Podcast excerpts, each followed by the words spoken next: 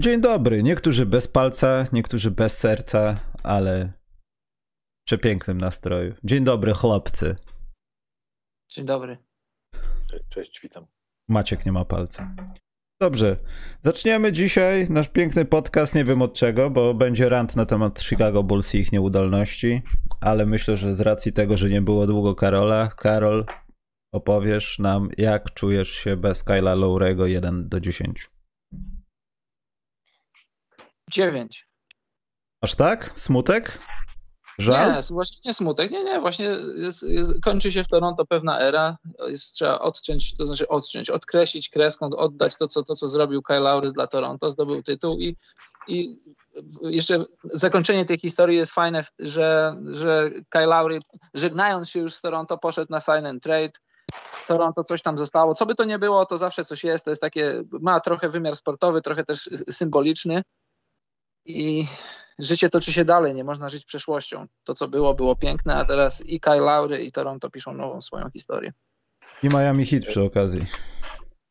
Szczerze mówiąc, patrząc w ogóle na ten deal, to o tyle fajny jest dla Toronto, że mam wrażenie, że i Toronto, i tak samo Spurs zresztą, e, oddając do Rozana, oba, oba zespoły dostały teraz w sign trade więcej chyba, mi się wydaje, niż by dostały na trade deadline.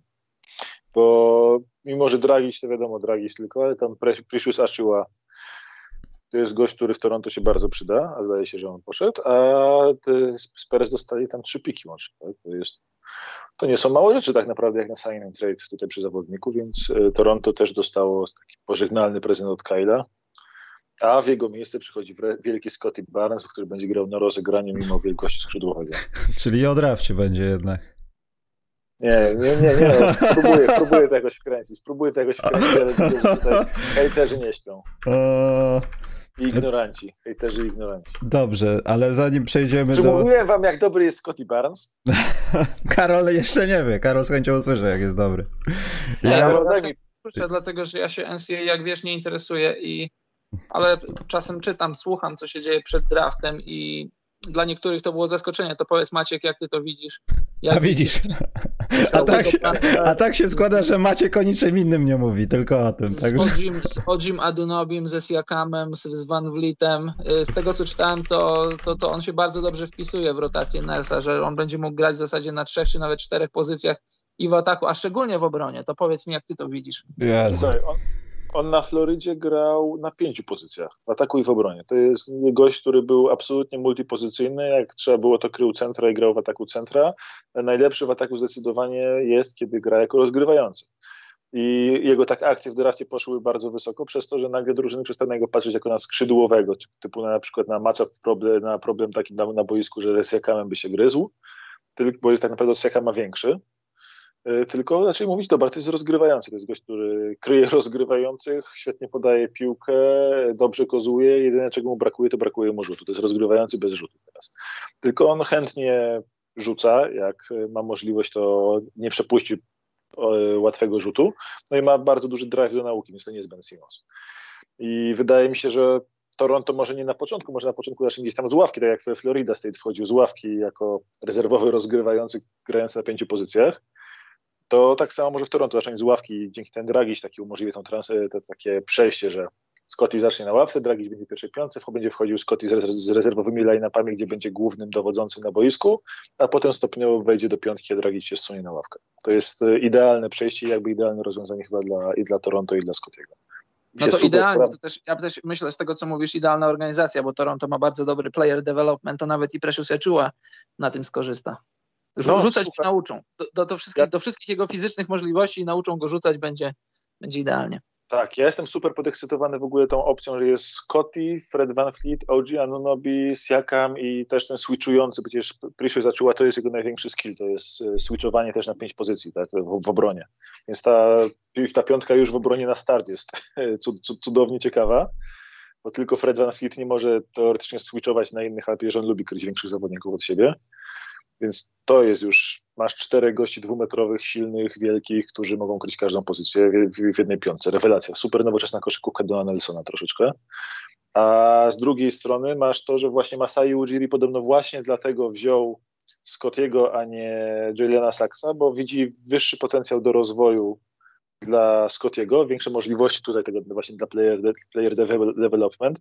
A przecież Masai Ujiri y, się wywodzi jakby z player development, tak jego kariera w NBA zaczęła się zdaje się od bycia asystentem Davida Torpa w szykowaniu graczy do draftu. I od tej pory sobie poszedł krok po kroku tam przez całą, tam, przez wszystkie szczeble tej korporacyjnej, kariery, ale trzyma się swoich korzeni i kocha właśnie brać graczy do rozwoju, do rozwijania na najwyższym możliwym suficie, a nie na najwyższej możliwej podłodze. Dla mnie rewelacja. To już po podcaście z draftu? Nie tak. no.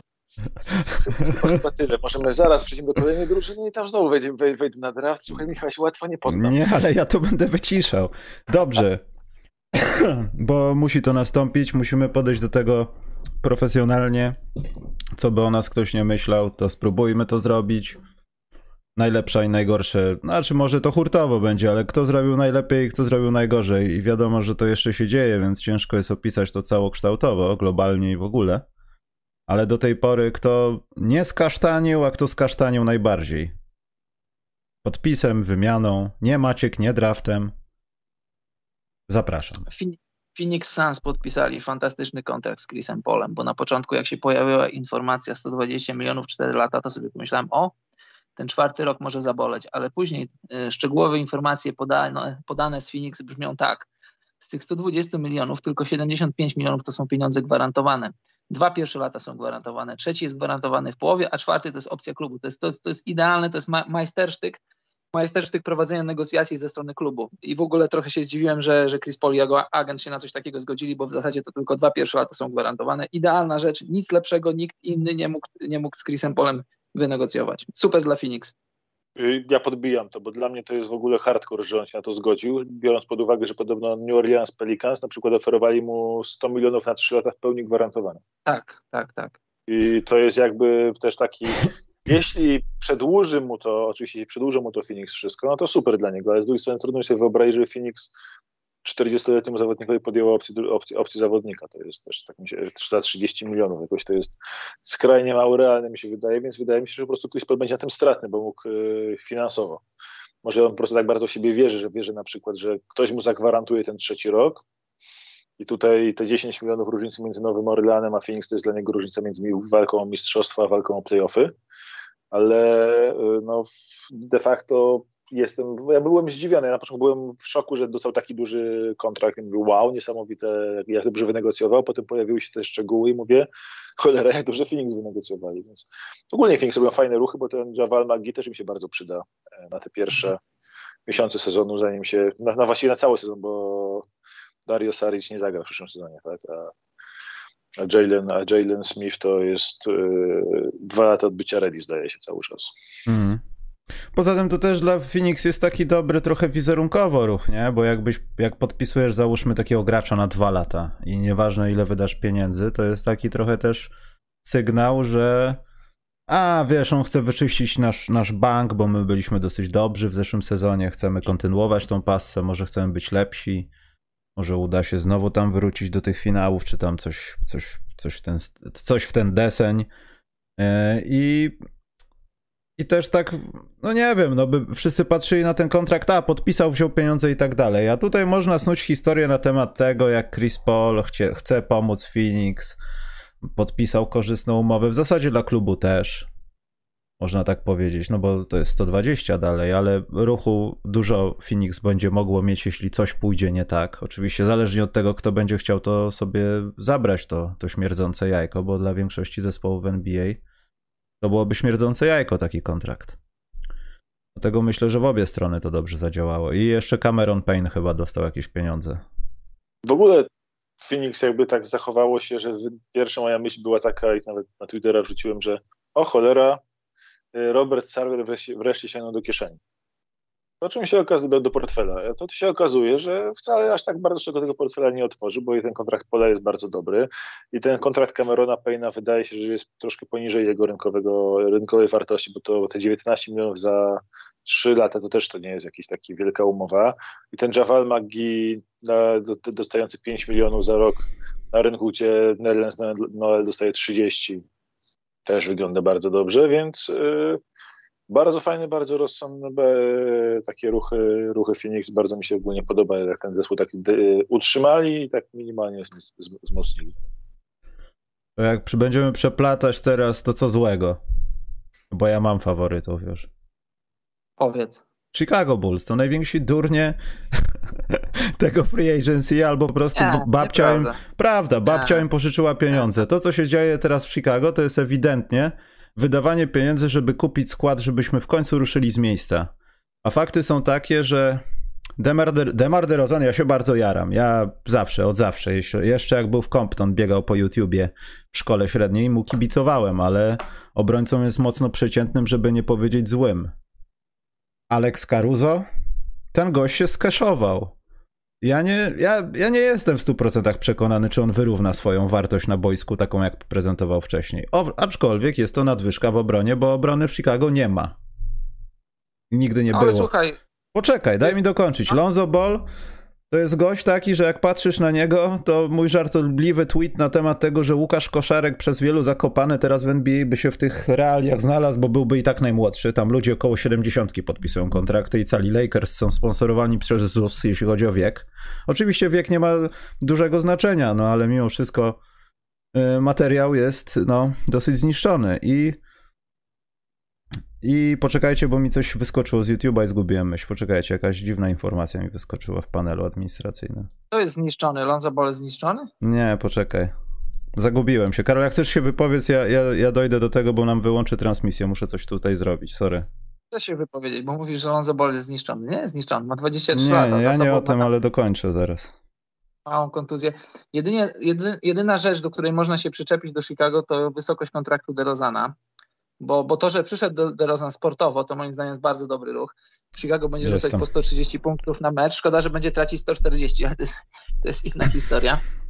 E, w zasadzie DeRozan, e, mógłbyś DeRozana mieć za ile tam wychodzi za rok? 27, 28 jakoś tak. To jest, to jest, to, to jest, to jest racja, to jest trochę dużo, tym bardziej, że nikt się nie licytował z Chicago DeRozana. Spokojnie można było usiąść, wyczekać go z dwa dni Chociaż wiesz, jakbyś go próbował wyczekać za dwa dni, to by się mógł unieść honorem i podpisać za mnie z kimś innym. Więc jeżeli, jeżeli Chicago było jego destynacją i taka była cena za niego, no to, nie, no to taka była cena za niego. Ale jeżeli chciał iść do Chicago i taki był, ta, taki był deal, no to sportowo jest ok, finansowo to wiesz, nie my będziemy płacić, Chicago w ostatnich latach próbowało się budować przez draft, to nie wyszło. Teraz się chcą budować przez, przez wolnych agentów. Sam wiesz, Karnisowas mówił, że chcą zrobić, żeby Chicago było destynacją dla wolnych agentów. No to teraz jest. Druga rzecz, Lonzo Ball moim zdaniem na, na dwóch poziomach jest, na trzech nawet poziomach. Po pierwsze jest młody, po drugie robi progres, po trzecie ten kontrakt wcale nie jest zły, a po czwarte jest z agencji Clutch. A jak dobrze żyjesz z Clutch, to w dzisiejszych czasach masz dobrze. Dobrze jest żyć dobrze z, z agencją. I masz Lonzo Bola, jest, jest dużym upgrade'em na Satorańskim. Mm. Lonzo Ball ma 23 lata i, i jest wyraźnie... Znaczy, patrząc wyraźnie po tym, Karol, co się dzieje z Satorańskim na igrzyskach, to, to nie.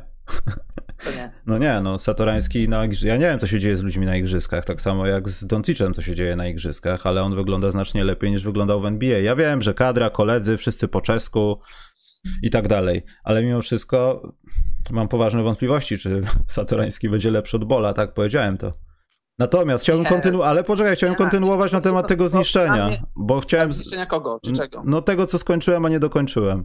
Jeśli płacisz Lonzo Bolowi, albo po prostu myślisz o tym, że będziesz miał takiego rozgrywającego, rozgrywającego, to jest żart, y, gościa, który prowadzi piłkę, w drużynie i myślisz, że ta gra będzie się trochę oprawia, e, opierała na aleju pikach, na szybkim przejściu z obrony do ataku, na jakichś flash i rzeczach, że nagle Lonzo Ball dogoni swój hype sprzed iluś lat, że jest drugim Jasonem Kidem. Karol Lonzo Ball jako jeden z bardziej utalentowanych ludzi w drafcie i którzy trzymali piłkę przed Markelem Fulcem, przed twarzą, że to nie jestem jedynką, ale wiesz kto tu jej rządzi. E, którym jest klubie Karol w ciągu tych kilku lat? No właśnie. Więc uważam, no, że można było. No właśnie, więc można było, nie wiem. Też ciężko powiedzieć, bo co, bo to była ostatnia, nie wiem, cały kawałek kurczaka na stole. Nie, wydaje mi się, że po prostu przyszedł standard żerować na padlinie i stąd te podpisy. Aczkolwiek Lonzo Boli Alex Caruso to jest spora nadwyżka w obronie wobec tego, co prezentowało Chicago i można to, nie wiem, no znaleźć od pozytywnej strony, no bo na obwodzie na pewno będzie ktoś coś w końcu bronił ale nie uważam, że mało tego. Warto pamiętać, że oddając DeRozana i przy okazji jeszcze ta wymiana z Wendelem Cartelem, Carterem, Chicago nie ma pików w drafcie. Wiadomo, że zawsze coś spartoli i tak dalej, ale przez najbliższe dwa lata nawet nie ma czego wymieniać. Więc ja No, nie ale wiem... to, ale to, Co? to nie o to chodzi, no bo, no bo sportowo, Ale sportowo wygrywasz, sam powiedziałeś, sportowo jesteś lepszy. Ale na Karol, jakie to końcach jest zwycięstwo, że jesteś w playoffach? To jest zwycięstwo dla Chicago? Żeby przepalić te wydane tak, pieniądze tak, i potem tak. do playoffów nie momencie- wejść, bo tak. już nie masz talentów i pieniędzy? To Tak. nie jest zwycięstwo. W tym momencie tak, w tym momencie to jest dla nich zwycięstwo, samo wejście do playoffów to jest dla tej drużyny sukces, bo próbowała się od, od paru lat budować na draftach, im nie wychodziło, to teraz niech się budują na wolnych agentach krok po kroku. Lonzo Ball to nie jest, y, nie wiem, Kyrie Irving czy ktokolwiek, ale ja wierzę w Lonzo Balla. Gość ma ledwie 23 lata, przyszedł do Lakers, y, miał kontuzję. Później przyszedł LeBron, to wiadomo, że z LeBronem ciężko się wpasować. Później przyszedł y, Zion, Zion dostał kontuzję, a później gra z Zionem, nagle, nagle się okazuje, że Zion jest rozgrywającym, a nie ty. Jakby dwie różne, dwa różne scenariusze, w których, w których najbardziej cierpi Lonzo Ball. Tutaj dostaje, moim zdaniem, dostanie kluczyki do, do prowadzenia tej drużyny i moim zdaniem pokaże dobrą koszykówkę, to jest fantastyczny zawodnik. Zobaczysz, będziesz jeszcze zadowolony. Za trzy tygodnie, Mhm. za trzy tygodnie to nie. Trzy tygodnie od rozpoczęcia sezonu będziesz mówił, jak Lonzo Ball jest piękny, fantastyczny i będziesz się cieszył, że go masz w drużynie, To- bo to jest, to jest zawodnik, odejmując, odejmując to, że się nazywa Lonzo Ball, odejmując to, gdzie został wybrany w drafcie, odejmując jego ojca i całe, tę całą historię z nim związaną, to jest, to jest koszykarz, z którym ludzie chcą grać i to wszyscy mówią dookoła, ludzie chcą z nim grać, nie holuje piłki, podaje, bardzo dobrze broni, ma, ma No. takie naturalne Rzuca świetnie. a obok siebie rzuca Rzuca 38%, 38% za 3 punkty, 3 celne trójki na mecz yy, w ostatnim z sezonie. I to, jest, tysiąca- I to jest wyraźny, wyraźny, sorry Maciek, przy, yy, przy- wyraźny progres 30% i jednej 7 trójki w pierwszym sezonie. Jest wyraźny progres w rzucaniu, w samej mechanice rzutu, ale też w, ce, w celnych rzutach. Statystyki 14 punktów, 5 zbiórek, 6 asyst. Jak dla mnie super podpis. No rzuca, to, to, to powiedziałem bez żartu żadnego. Nie, ja jak jeśli mogę wejść tutaj... Też, Nie możesz. Ja jestem dużym fanem, i tak wejdę. E, Ja jestem dużym fanem Lonzo ogólnie, jeśli chodzi, ja Lonzo lubię i uważam, że on w ogóle został niedopłacony na tym e, free agency, jakoś tak antyhype się dookoła niego zrobiło, bo przecież ulubionym kolegą Zajona do grania w drużynie, tak? Ja pomijam to, że tam kibice Nowego Orleanu się wściekali na jego stateczność w ataku, ale też jakby Lonzo był przyuczany do innej roli niż z nią wszedł do NBA, tak? I on ma, e, o ile rzeczywiście on nie jest rozgrywającym w pick and roll, to trzeba powiedzieć, że on nie jest rozgrywającym w pick and roll, on nie umie generować e, punktów z pick and rolla, bo ani nie ma takiego płynnego rzutu po zasłonie, ani nie ma e, ani nie umie zaatakować agresywnie obręczy, bo przy obręczy cały, cały czas dosyć słabo kończy, to on się zorientował, że po prostu tego mu brakuje w grze, więc rozwija pozostałe obszary swojej gry na razie. Tak? On jest bardzo dobrym obrońcą e, zespołowym. Jeden na jeden już nie tak dobrze, ale zespołowym na pomocy w passing lanes yy, jest super. Jest świetnym obrońcą na pomocy. Yy, ten rzut za trzy to jest w ogóle nie rozumiem skreślania gracza. Mam wrażenie, że bardzo dużo, słów skreśliło gracza, który sezonu na sezon robi bardzo systematyczne postępy, bardzo dużo pracy wkłada w off-season rok w rok, yy, mimo że przychodzi jako taka gwiazdeczka, rok w rok siedzi, po prostu ciężką robotę robi w off-season. No, to, że on doszedł z poziomu tam właśnie, tak jak Karol mówi, 30% za 3 i na 5, na 5 6 próbach, doszedł na 8 prób na mecz i 38% y, za 3. I ten rzut już nie wygląda, jakby szedł z lewego ucha. To jest, ten, ten, rzut normalnie wygląda, to jest normalnie wyglądający rzut. Mam wrażenie, że aż dziwne, że Chicago nie ściągnęło razem z nim tego jego trenera rzutowego z Nowego Orleanu, który jest, uchodzi za jednego z trzech najlepszych widzów w tym momencie. Między innymi dzięki pracy z Lonzo. Y, I on będzie akurat, jego, jego dodanie do Chicago jest super i mam wrażenie, że Michał, masz problem z tym przede wszystkim, że Chicago robi te ruchy, y, atakując wyżej, mimo że nie jest w stanie zrobić wyżej, ale oni już mają Lawina i już mają Wucewicza. Oni nie mogą zrobić teraz kroku do przodu i nagle po oddaniu piku za Wucewicza i po dawaniu takiej, po, po, mając Lawina na takiej wielkiej umowie, nagle powiedzieć, e, właściwie to my, was, my teraz będziemy tankować i szli, i, e, w dół. Znaczy, Oni musieli mało tego, ja uważam, że jeśli teraz byś powiedział, y, że musisz lawinę oddać, to w takim układzie Bol nie ma najmniejszego sensu, bo mam wrażenie, że największą siłą tej drużyny w ataku nie... DeRozan swoją drogą, bo DeRozan będzie robił inne potrzebne rzeczy, a też jest tego typu zawodnikiem, że on potrafi przeskoczyć swój sufit. Ty powiesz, że on nie doskoczy do 7 metrów, a on zrobi to 8 razy jednego dnia i po prostu pomoże drużynie. Nigdy później już tego nie zrobi. Ale on ma taką, taką nie wiem, charakterystyczną rzecz, że potrafi czasami przeskoczyć samego siebie w jakichś sytuacjach, meczach, w obronie, coś zrobić takiego ponad stan. Natomiast Lonzo Ball jest świetnym gościem do Zakalawina, jeśli chodzi o obronę. No to będzie mecz gwiazd cały czas.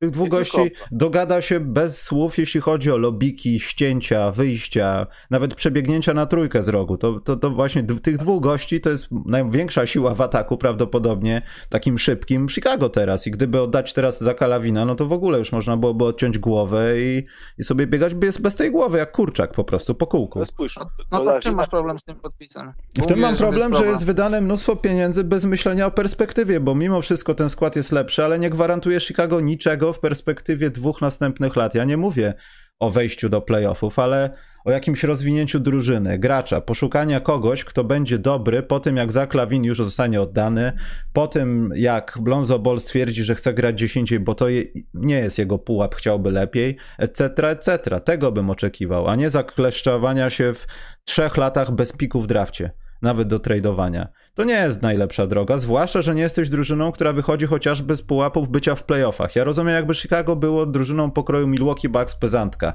Mamy coś, musimy dołożyć kilka czynników, popatrzmy sobie na Phoenix, namówmy kogoś starego, ale jeszcze ruchliwego, mało takich ludzi w lidze, ale pokombinujmy coś. Nie, niewykluczone, że Chicago, Chicago to robiło i to jest właśnie to, że Sandacz już poluje na padlinę i bierze to, co bierze. Demar DeRozan jest przepłacony dwukrotnie.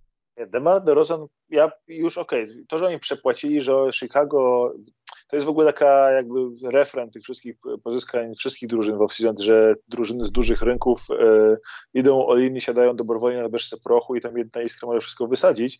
Z drugiej strony Chicago dodało idealnych graczy do duetu Lawiny Wóz. Idealnych graczy. No. Nie ma, tak. lepszego, nie ma lepszego rozgrywającego dla tego duetu Lawin wóz, czyli do dwóch gości, którzy kreują, tylko Lawin po prostu nie oddaje piłki za bardzo. Masz Lonzo, który napędza ruch piłki w całym, w całym zespole i Lonzo, który stacjonarnie może podać piłkę do Lawina, na przykład do Wuca na high, granie z high post, tego ulubiony high post, low post i po prostu się ustawia, przesuwa się generalnie dosyć dobrze bez piłki, tak, robi to taką dodatkową zmianę pozycji, le, leciutko się przesuwając w bok, żeby obrońca go zgubił z oczu i dostaje tylko piłkę na stacjonarny rzut, który ma bardzo dobry. Mm. Taki prosty catch and shoot. I on, to, I on to umie bardzo dobrze robić, więc idealnie pasuje do WC. Świetnie, do, świetnie dogrywa graczom do post. On fantastycznie dogrywa graczom do post. Trzeba powiedzieć, że bardzo dobrze ma to taki skill jak Rubio troszeczkę, że podaje graczom tam, gdzie oni lubią mieć podane. Więc on to umie, z Lawinem będzie Lawina zachęca do grania piłki, do, do y, ruchu piłki, a Lawin będzie sobie te swoje pick and roll i rzuty, rzuty po, po zasłonach y, grał, proszę bardzo. DeRozan to jest kolejny kreator, to jest gość, który w ostatnich sezonach się bardzo mocno rozwija jako kreator. Wiadomo, jest stary i przepłacony, ale on wypełnia tą dziurę, że Lawin to jest trójka, w sensie rzut za trzy, Lonzo to jest rzut za trzy, i nawet Woods, to Woods ma ze wszystkich pozycji rzuca, ale też może robić spacing, a wtedy Lawin może, a wtedy DeRozan może operować na tym swoim półdystansie, rzucać z półdystansu proste rzuty, otwarte rzuty, a jak ważne jest znajdowanie takich rzutów i trafianie, kiedy obrona eliminuje na przykład trójki i layupy, no pokazali Phoenix Suns. Phoenix Suns weszli do finału na tym, że wszystkie schematy defensywne przeciwników były oparte na pozwalaniu, na, na, pozwalaniu na półdystans. I tam po prostu będzie DeRozan żył. Więc ofensywnie to jest. Po prostu ten wolny elektron, dajmy na to, e, czy to będzie Caruso w piątce, czy to będzie Patrick Williams w piątce, taki tam wolny, czy to będzie nawet Lauri, chociaż wątpię, żeby to był Lauri. Jak to no mówił to Borewicz, jest... Caruso ma niezwykłą progresję zarobków. Tak, ale to jest, fajnie, to jest bardzo fajnie, to wygląda jakby ten ofensywnie ten zespół wygląda fantastycznie, w obronie, w obronie jest spory Nie rozmawiajmy o tym. Nie mamy ani jednego dobrego indywidualnego obrońca, mamy paru gości, którzy zespołowo dobrze bronią, ale każdego możesz atakować indywidualnie, więc chociaż w tej lidze, jak jest tak ważny atak, ja myślę, że best case Chicago to jest, nie wiem, to jest walka o przewagę własnego parkietu w playoffach i druga runda playoff. Według mnie mają szansę na to, jeśli w obronie Billy Donovan coś wymyśli, żeby jakkolwiek ograniczyć po prostu ten taki wyciek krwi. E. Dobrze, ja chciałem tylko dwie rzeczy. Dwie, od nich, e, na pewno. Dwie rzeczy, na, takie już na koniec tego Chicago i pójdziemy do mojej drugiej ulubionej ekipy w NBA. To jest to, że po pierwsze i tak szacunek, że Chicago w końcu zdecydowało się na jakieś ruchy. To ja wiem, że od kiedy przyszedł Karnisawas i tam w ogóle jest nowy GM, to, to te ruchy łatwiej, ale mam wrażenie, że Chicago w końcu nie boi się ryzykować, bo bądź co bądź to jest ryzyko.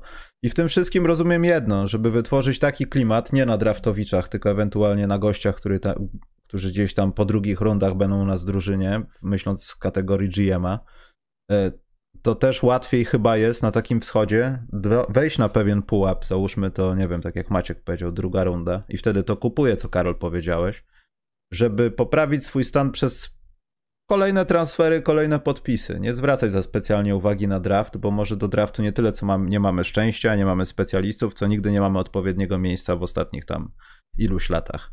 I to jest jedyna rzecz, która do mnie w tym przemawia, ale no Boże, ta obrona, no to jest... Nie myśl o tym.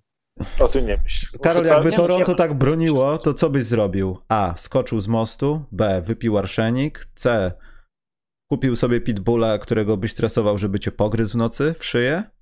Nic bym nie zrobił, tort wiśniowy bym zjadł. Słuchaj, e, Chicago było w ostatnich dwóch czy trzech latach w takiej pozycji, że byli za dobrzy na tankowanie, za słabi na playoffy i powiedzieli, powiedzieli A, trzeba było powiedzieć B. Mam na myśli powiedzieli A, oddali trochę przyszłości za Wucewicza. Nie mogli teraz pójść do tyłu, bo jakby chcieli pójść do tyłu, to też jest wtedy... No, to by stanęli miejscu, drogi, no nawet nie stanęli w miejscu, bo, bo wtedy, to, to, już wtedy cofasz się i to, to już to, to, to, totalnie lecisz, bo jak oddałeś piki za Wucewicza i, i uważasz już po trzech miesiącach, że to nie jest to, to wtedy leci ci Wucewicz, leci ci y, Lawin i leci ci cały zespół. Więc jeżeli powiedzieli A, teraz powiedzieli B, dla mnie to jest super, ty się powinieneś cieszyć. Nie wiem, dlaczego się nie cieszysz. No bo się nie y, cieszę, bo wiem, że to będzie wtopa jedna wielka. Ale, słuchaj, płaczesz o pieniądze, których ty nie będziesz wydawał. Słuchaj, pieniądze w NBA, co to są pieniądze w NBA? Pieniądze w NBA są wirtualne, to są środki do tego, zacytuję żeby to kiedyś, Karol, zacytuję. Więc jeżeli, Dobrze, więc jeżeli y, martwisz się o te pieniądze, ale jeżeli to jest, jeżeli to jest to, jak ta drużyna miała wyglądać, to nie myślisz o tych pieniądzach, że tam sobie podpiszesz jakiegoś tam y, danego Greena czy kogoś. To już tutaj masz drużynę. Jak drużyna będzie dobra, to tam zawsze sobie znajdziesz jakichś ludzi z buyoutów, znajdziesz sobie jakichś y, ludzi za minimalne kontrakty. Jeżeli Chicago będzie grać fajną koszykówkę i będzie, pełno, będzie pewną playoffową drużyną, to spokojnie ludzie będą do niej przychodzić. Moim zdaniem playoffy to jest 100%, nawet nie masz co się martwić. Playoffy to Chicago spokojnie wchodzi do playoffów. Y, masz, y, niby każdy potrzebuje grać w obronie, to jest prawda, to wychodzi w playoffach, ale, ale w dzisiejszych czasach, w dzisiejszej NBA, jak masz dobry atak, to obrona jakoś tam, jakoś tam potrafisz sklecić, jak masz zawodników, którzy grają w team, w team defense dobrze grają, a Alonso gra moim zdaniem dużo ponad przeciętność, żeby nie powiedzieć bardzo dobrze, tak samo Caruso, to to już jest coś. To to już jest coś i potrzebujesz dwóch, może trzech jakichś ludzi z, za minimum kontrakt albo takich młodych, jakichś na two-way. Two-way to może za, za, dużo powiedziane, bo to znaczy, znaczy za mało, żeby, żeby marzyć o czym, żeby być dobrą, dobrą defensywą, ale łatwiej jest znaleźć zawodnika, który poświęci się w obronie, żeby sobie zarobić na lepszy kontrakt albo na, pójść do innej drużyny, niż, niż y, wybitnych koszykarzy w ataku. A, a co by nie powiedzieć, to Chicago ma teraz trzech wybitnych koszykarzy w ataku. Słuchajcie, jeśli Pół roku temu Zaklawin był przeciętnym graczem w ataku. Musimy, Karol, jakoś trzymać linię. Nie, no on jest w ataku dobry, moim zdaniem jest bardzo dobry w ataku, tylko ogólnie jako koszykarz to nie jest... To jest to wybitny czy który... bardzo dobry? No zdecydujmy y, Okej, okay, jest, jest zawodnik jest wybitny na ten moment dla Chicago, że pójdziesz do, do playoffów i może awansujesz do drugiej rundy. Zaklawin jako pierwsza opcja, jako Janis zdobywający tytuł, to się nie wydarzy, to się na pewno nie wydarzy. Zaklawin jako druga opcja w drużynie zdobywającej tytuł, to też się nie wydarzy. Ale Zaklawin jako lider lub współlider drużyna, która wchodzi do drugiej rundy, jak najbardziej. E, tam jest tak, ja się zgadzam z Karolem, możemy przejść dalej. Zanim przejdziemy dalej, mam taką jedną temat, ciekawą rzecz. E, właśnie tak, wrzucił e, insider Washingtonu tak, tego, ten słynny, ten, taki mem z, ze zdziwionymi różnymi minami, że jest w szoku, że coś się dzieje dziwnego. Bradley Bill wrzucił zastanawiającą się buźkę. Jego y, żona wrzuciła, czy on dziewczyna, to jest żona chyba jego, wrzuciła jakieś ochłał na Twittera. I tak y, wygląda, że to coś, to coś się dzieje w Waszyngtonie właśnie na żywo, tylko pytanie, czy oni trolują wszystkich, czy tam naprawdę coś się wydarzyło, co jeszcze nie wyciekło, ale generalnie parę osób, albo się zgadało parę osób, które robią, robią trolling, e, albo właśnie w Waszyngtonie jakaś mała bomba wybucha. W domu, w domu państwa Billów to żona rządzi, może żona powiedziała, chodź Bradley, sobie strolujemy internet, bo nie mamy dzisiaj co robić. Dzisiaj nie powiedziałaby Bradley, tylko środa. Brad. Ona mówi do niego tak. Brad. To raczej tak, nie chodź Brad, tylko Brad. Idziesz powiedzieć insiderowi, że jest aferka. Raczej w ten sposób tutaj. Ale coś, coś się dzieje. Może, może możemy do końca podcastu mieć na żywo coś ciekawego. Ekstra. To co z Lakers? To jest, e, jeśli mogę ja zacząć od Lakers, to jest tak, pomijam ten dom starców, bo to jest ten e, Retired Extremely Dangerous albo... Ej, ale nie, stop, akurat z tym się nie zgadzam do końca, bo Ja wiem o tym, że zaraz teraz powiecie, tak, ale tutaj stawy inaczej trzymają. Też w tym programie powiedziałem to przynajmniej ze 800 razy. Ale z drugiej strony nie zawsze te liczby mają jakiekolwiek znaczenie. Ja nie będę Melo bronił, nie? Ja nie będę bronił tego, że to jest kolejny... Że to jest...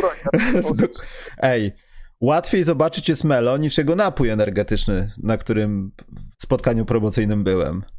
Więc i tak się cieszę. Natomiast... Piłeś? E, wypiłem, tak, bo to były chyba trzy jedyne w Polsce, jakie miałem i, e, i tak, było to bardzo dobre, ale w sklepie... Co? Od, od, tej pory chcę wszystkich topić w Wiśle generalnie. Jak ktoś ma napisane ego, bo ten napój tak się nazywał. Więc doskonale pasuje do sytuacji. Ale wydaje mi się, że te że to może być tylko cyferka taka, że on ma tam 30 lat, no i co z tego. Natomiast niepokojące najbardziej jest to, że ten Banana Boat, nie do końca Banana Boat, ale wszyscy najlepsi kumple. Myśmy już widzieli chyba Lebrona, jak wypada na kumaniu się z najlepszymi kumplami, nie? Tutaj Dwight no dojdzie, tak. tu jeszcze Trevor tak. Ariza, wiesz, wszyscy na pontoniku, jest zabawnie. Russell Westbrook nas lubi raptem, wiesz, jest spoko. Ja to, się, ja, to się, ja to się w ogóle, nie, ogólnie to mi się podobają te ruchy, ale dziwię się, że to jest kolejna drużyna, która nabiera się na Trevora Arizę, który już od trzech lat nie ma, o nie, od czterech lat już nie ma nuki, tylko jeździ sobie po klubach i zarabia pieniądze. Przecież, przecież Trevor Ariza to jest skorupka człowieka, tam w środku nie ma nic. Ale to, to nie Trevor Ariza będzie decydował o tym, czy Lakers zdobędą tytuł, czy nie. Podoba mi się, co mi się podoba? Podoba mi się, że mają za małe pieniądze Kendricka Nana, Podoba mi się, że Malika Monka. Nie, to jest najlepsze, Karol, przepraszam. To jest najlepsza rzecz w tym transferze. Chciałem o tym powiedzieć jako najlepszej rzeczy w tym transferze. Malik Monk za te pieniądze to Lakersi po prostu sobie ukradli gościa. Ukradli sobie jeszcze jednego gościa. Zobacz sobie. THT, e, THT, e, kolejny zawodnik z agencji Clutch. Moim zdaniem, tak. moim zdaniem, gdyby, e, gdyby chciał pójść na wolny rynek, to by dostał więcej, ale to jest kolejny zawodnik z agencji Klacz i dostaje, i dostaje 30 w 3 lata. Moim zdaniem, gdyby tak naprawdę chciał pójść na wolny rynek, to dostałby tyle, żeby Lakersi nie mieli pieniędzy, żeby go zatrzymać. To jest kolejny ukłon w stronę, w stronę agencji Klacz. Y, bo ten Horton Tucker podchodzi pod ten Poison Pill Provision, nie? więc on by mhm. dostał max, max, maxa na Poison Pill, więc to tam by, to by bardzo zabolało Lakersów, gdyby chcieli to wyrównać. To tak no, bardzo, no. bardzo ich zabolało. I Ogólnie nie. Dla mnie to jest tak, że Lakersi to jest taki mikrokosmosie robią to samo, co, robi, co zrobili Bulls, jakby na takiej zasadzie, że... Tylko pieniędzy więcej. Nie, skoro powiedzieli A, muszą powiedzieć B. I skoro powiedzieli Westbrook, to teraz muszą po prostu, to te ruchy, które robią, to są jedyne ruchy możliwe, które robią. I ci wszyscy weterani, rzeczywiście były takie plotki od razu po, po wzięciu Westbrooka, że oni mają ustawionych w, w kolejeczkę weteranów, których po prostu tam peselami będą brali do drużyny. E, zaczynając e, od, od 81 i idąc w górę. I tak mniej więcej po prostu biorą. Jeżeli tych wszystkich weteranów oni biorą bardzo dobrze pasujących do drużyny i kiedy się wydawało, że to będzie już dom starców, dołożyli właśnie tych trzech młodych. I Monk, i, yy, i Monk, i Nan mieli raportowane dużo wyższe kontrakty, że, że dostawali to były rzeczy z poziomu mid-level, a oni, oni poszli grać za minimum i za tam 5 milionów rocznie, to jakieś żarty są po prostu. Mhm. Ale, ale po, popraw mnie Karol, ale Monk chyba też jest e, w klacz, nie? A, Że... wiesz co, nie jestem, chyba nie, ale, ale mogę to zaraz sprawdzić. Kurczę, mi się zdaje, to można by sprawdzić. Zaraz to sprawdzę. Bo to, to są tego, Taylor Horton Tucker, no słuchaj, ja mam wrażenie, że wręcz Klacz powiedziało innym zespołom, żeby się od niego odpieprzyły. Do przeproszenia. Bo to jest tak, że e, bo to jest wręcz tak, że mówiło się nawet, e, wiem, że w, Detroitie mówiło jeszcze w jakimś takim z tych takich zespołów, które miały mieć chyba Cup Space, nie wiem czy nie w Charlotte, że oni się władują maksymalnymi możliwymi dla niego pieniędzmi. Niego, żeby tam po prostu zabolało Lakers, żeby zobaczyli, co się dzieje. Nie? To był ruch bardzo w stylu, stylu Troja Weavera z Detroit, na przykład się władować, nie wiem, 15 milionami rocznie w, te, w Taylena, bo jest długi, bo jest atletyczny, bo jest bardzo waleczny, skrapi, idealny gość, gość Detroit, super młody, by tam pasował, tylko nawet, oni nawet nie ruszyli. I takie już tam insiderzy Detroit pisali o tym, że nie było nawet podejścia do Taylena, więc on bardzo, bardzo chciał grać w Los Angeles y, i Clash po prostu dało im zawodnika, tam pewnie jakiś Mercedesik od Lebrona albo cztery poleciały, poleciały jakieś, e, te, dołączyły do stajni e, Taylena gdzieś tam e, w domu pod tym, w domu, pod, w domu w Los Angeles, bo to jakby te, ci młodzi gracze, to jest jakby klucz dla nich, że oni będą mieć ten atletyzm, będą mieć tą taką energię na sezon zasadniczy. W playoffach mm. to będą weterani. Ale na sezon zasadniczy Nan to jest świetny gracz na sezon zasadniczy, który ci może ciągnąć przez ten sezon bez, bez, bez problemu. Miami przecież y, korzystało, że po prostu miał tę serię 6-7 spotkań po 20 punktów po kolei, to było super, pomagało mu. Taylor jest pewnie jedynym obiecującym asetem w ogóle w tym zespole, który możesz obrócić ewentualnie w coś zaraz i ja podejrzewam, że gdy miał stawiać jednego takiego gościa under the radar, który w ciągu najbliższych paru lat dostanie maksa i wszyscy będą zdziwieni, to bym właśnie na niego stawiał za trzy lata. E, I, e, i po prostu i Monk też może też, też liczą na takie eksplozje jego pojedyncze w sezonie zasadniczym. Powinno, powinno to fajnie wyglądać. No, dobry, bardzo dobrym ruchem jest też odpulenie Dramonda, który trochę psuł im szatnie. Tak. Cudownie jest to, gdzie on poszedł. THT w ogóle, y, on by super inwestycją był dla Detroit, tak samo jak Grant. Ma 20 lat, dajesz mu tam powiedzmy 13, 14 czy 15 milionów przeszacowujesz jego wartość, grasz nim duże minuty, dajesz mu duży wolumen oddanych rzutów, robi jakieś tam 18, 5, 6 i później sprzedajesz go za dwa wybory w drafcie. To była super inwestycja dla Detroit, ale, ale no, jak dla mnie bardzo nie Słucham?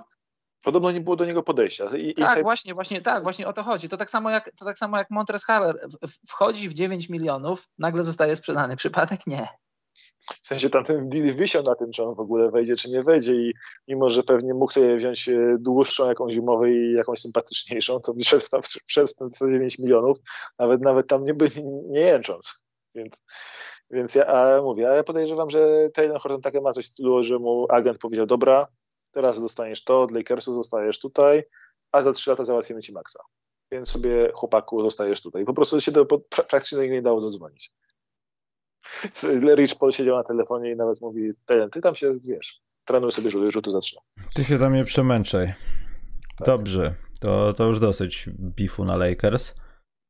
Życzę im wszystkiego najlepszego. To, to, to, są słowa oklasne. To nie jest beef, to jest uznanie, pełne uznanie. A, czyli już siedliście do autobusu sprzedawczyki?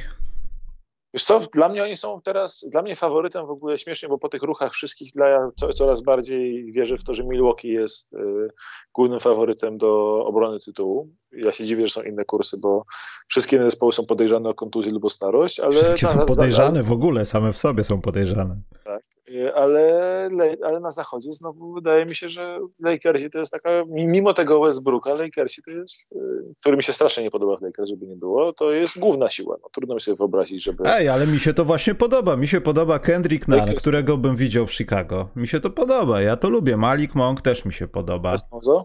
Co? Z Lonzo byś go widział?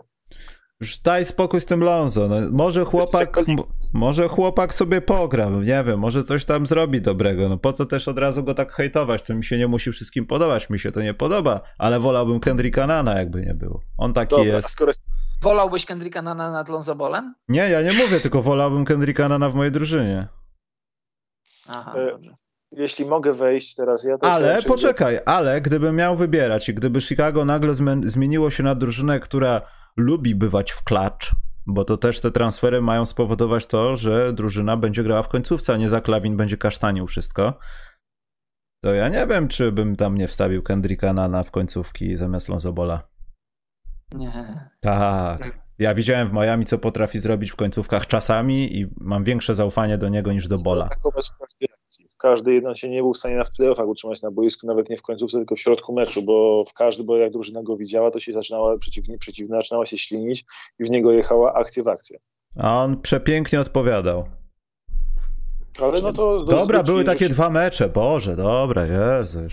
Ale jesteś, słuchaj, Michał, jesteś jak e, New Orleans Pelicans, bo to jest moja ulubiona na razie historia tego, jak można sobie, jak głupio można zagrać off-season i według mnie po prostu to, co robią Pelicans, jest jakiś zbrodnia na dobrym smaku. Może Karol mnie z tego wyprowadzi, ale tam jest ta akcja, że przecież oni oddali więcej za pieprzonego Devonte Grahama. No i Gareta Temple jeszcze. Oni sobie oni wzięli Satorański razem z Gramem zarabiają więcej niż Lonzo Ball we dwóch. Mm. Ja, ja każdego dnia tygodnia biorę Lonzo Bola niż, niż, niż tych dwóch gości y, do swojego zespołu. Jeszcze mam jedno miejsce w składzie więcej. Dodatkowo y, oni dali za Grama pik w pierwszej rundzie draftu, a za Lonzo dostaje tylko pik w drugiej. Nie, nawet nie dostaje piku w drugiej, tak? Y, czy, czy dostaje pik w drugiej? nie, jakieś, dostali ten pik Lakers jakiś tam, co Chicago miało chyba w tej wymianie. W drugiej rundzie jakiś taki no, no, no. Więc dla mnie to, co Pelicans zrobili, to jest jakiś totalny, totalna abstrakcja, zwłaszcza, że Graham to nie jest gość, w Charlotte podobno średnio lubili z nim grać, nawet bo on po prostu ma awersję do podawania, on kocha rzucać, on będzie rzucał, on odda każdy rzut i Graham jako, poszedł jako strzelec do Pelicans, mimo że rzuca gorzej niż Lonzo Ball. Tak, Maciek, nie będę cię wyprowadzał z błędu, bo ja uważam tak samo, nie, nie, nie, więc nie myślisz błędnie. Jeżeli myślisz, to ja też myślę błędnie. Moim zdaniem jest jakaś kosa na linii, znaczy jest, jest na pewno kosa na linii klacz Pelikany, bo przecież, przecież AD e, pożegnał się z Pelikanami o pół roku, pół roku później niż chciał w rzeczywistości się pożegnać. Pamiętacie koszulkę That's All Fox? Taki trochę tak. policzek dla całej organizacji. No nie, no bez sensu. Tym bardziej, że i Zion i Ingram chcieli Lonzo Bola. To już pomijając to, bo zawodnicy mogą sobie chcieć różne rzeczy. Podpisujesz młodego 23-letniego zawodnika, i dajesz mu, dajmy na to pół sezonu i grasz nim do trade deadline. I wtedy się zastanawiasz, czy to jest dobry fit, czy to jest dobry fit z tym Zionem, który ma być, te, ma być tym point forwardem. Jeśli tak, to fajnie, jeśli nie, to sprzedajesz go z pocałowaniem ręki do, do połowy drużyn ligi, bo to, to są pieniądze jak najbardziej do łyknięcia za 23-latka, a tutaj dostajesz y, z całym szacunkiem Satorańskiego, który jest rozgrywający, no powiedzmy średniej klasy, no na, na skalę koszykówki FIBA jest niezły, nawet bardzo niezły, ale na skalę NBA to jest tylko średnia. Jak dostajesz kogo tam jeszcze? Garrett Temple, plus, e, no właśnie, Devonte Graham, on, dobrze mówisz Maciek, bo to jest, to jest gość, to nie jest, to nie jest gość do tej rotacji, bo to on ma tam być, to jest trzecia gwiazda, jakby w, w jego własnych oczach pewnie jest trzecią gwiazdą do tej drużyny, ale w rzeczywistości nie jest w idealnym świecie on ma, on ma super rzut i on, on super będzie rozciągał grę, ale nie będzie rozciągał super gry, bo on będzie chciał rzucać. On będzie wchodził na boisko i będzie mu się wydawało, że jest tak samo ważny jak Ingram i Zion, a to będzie błąd.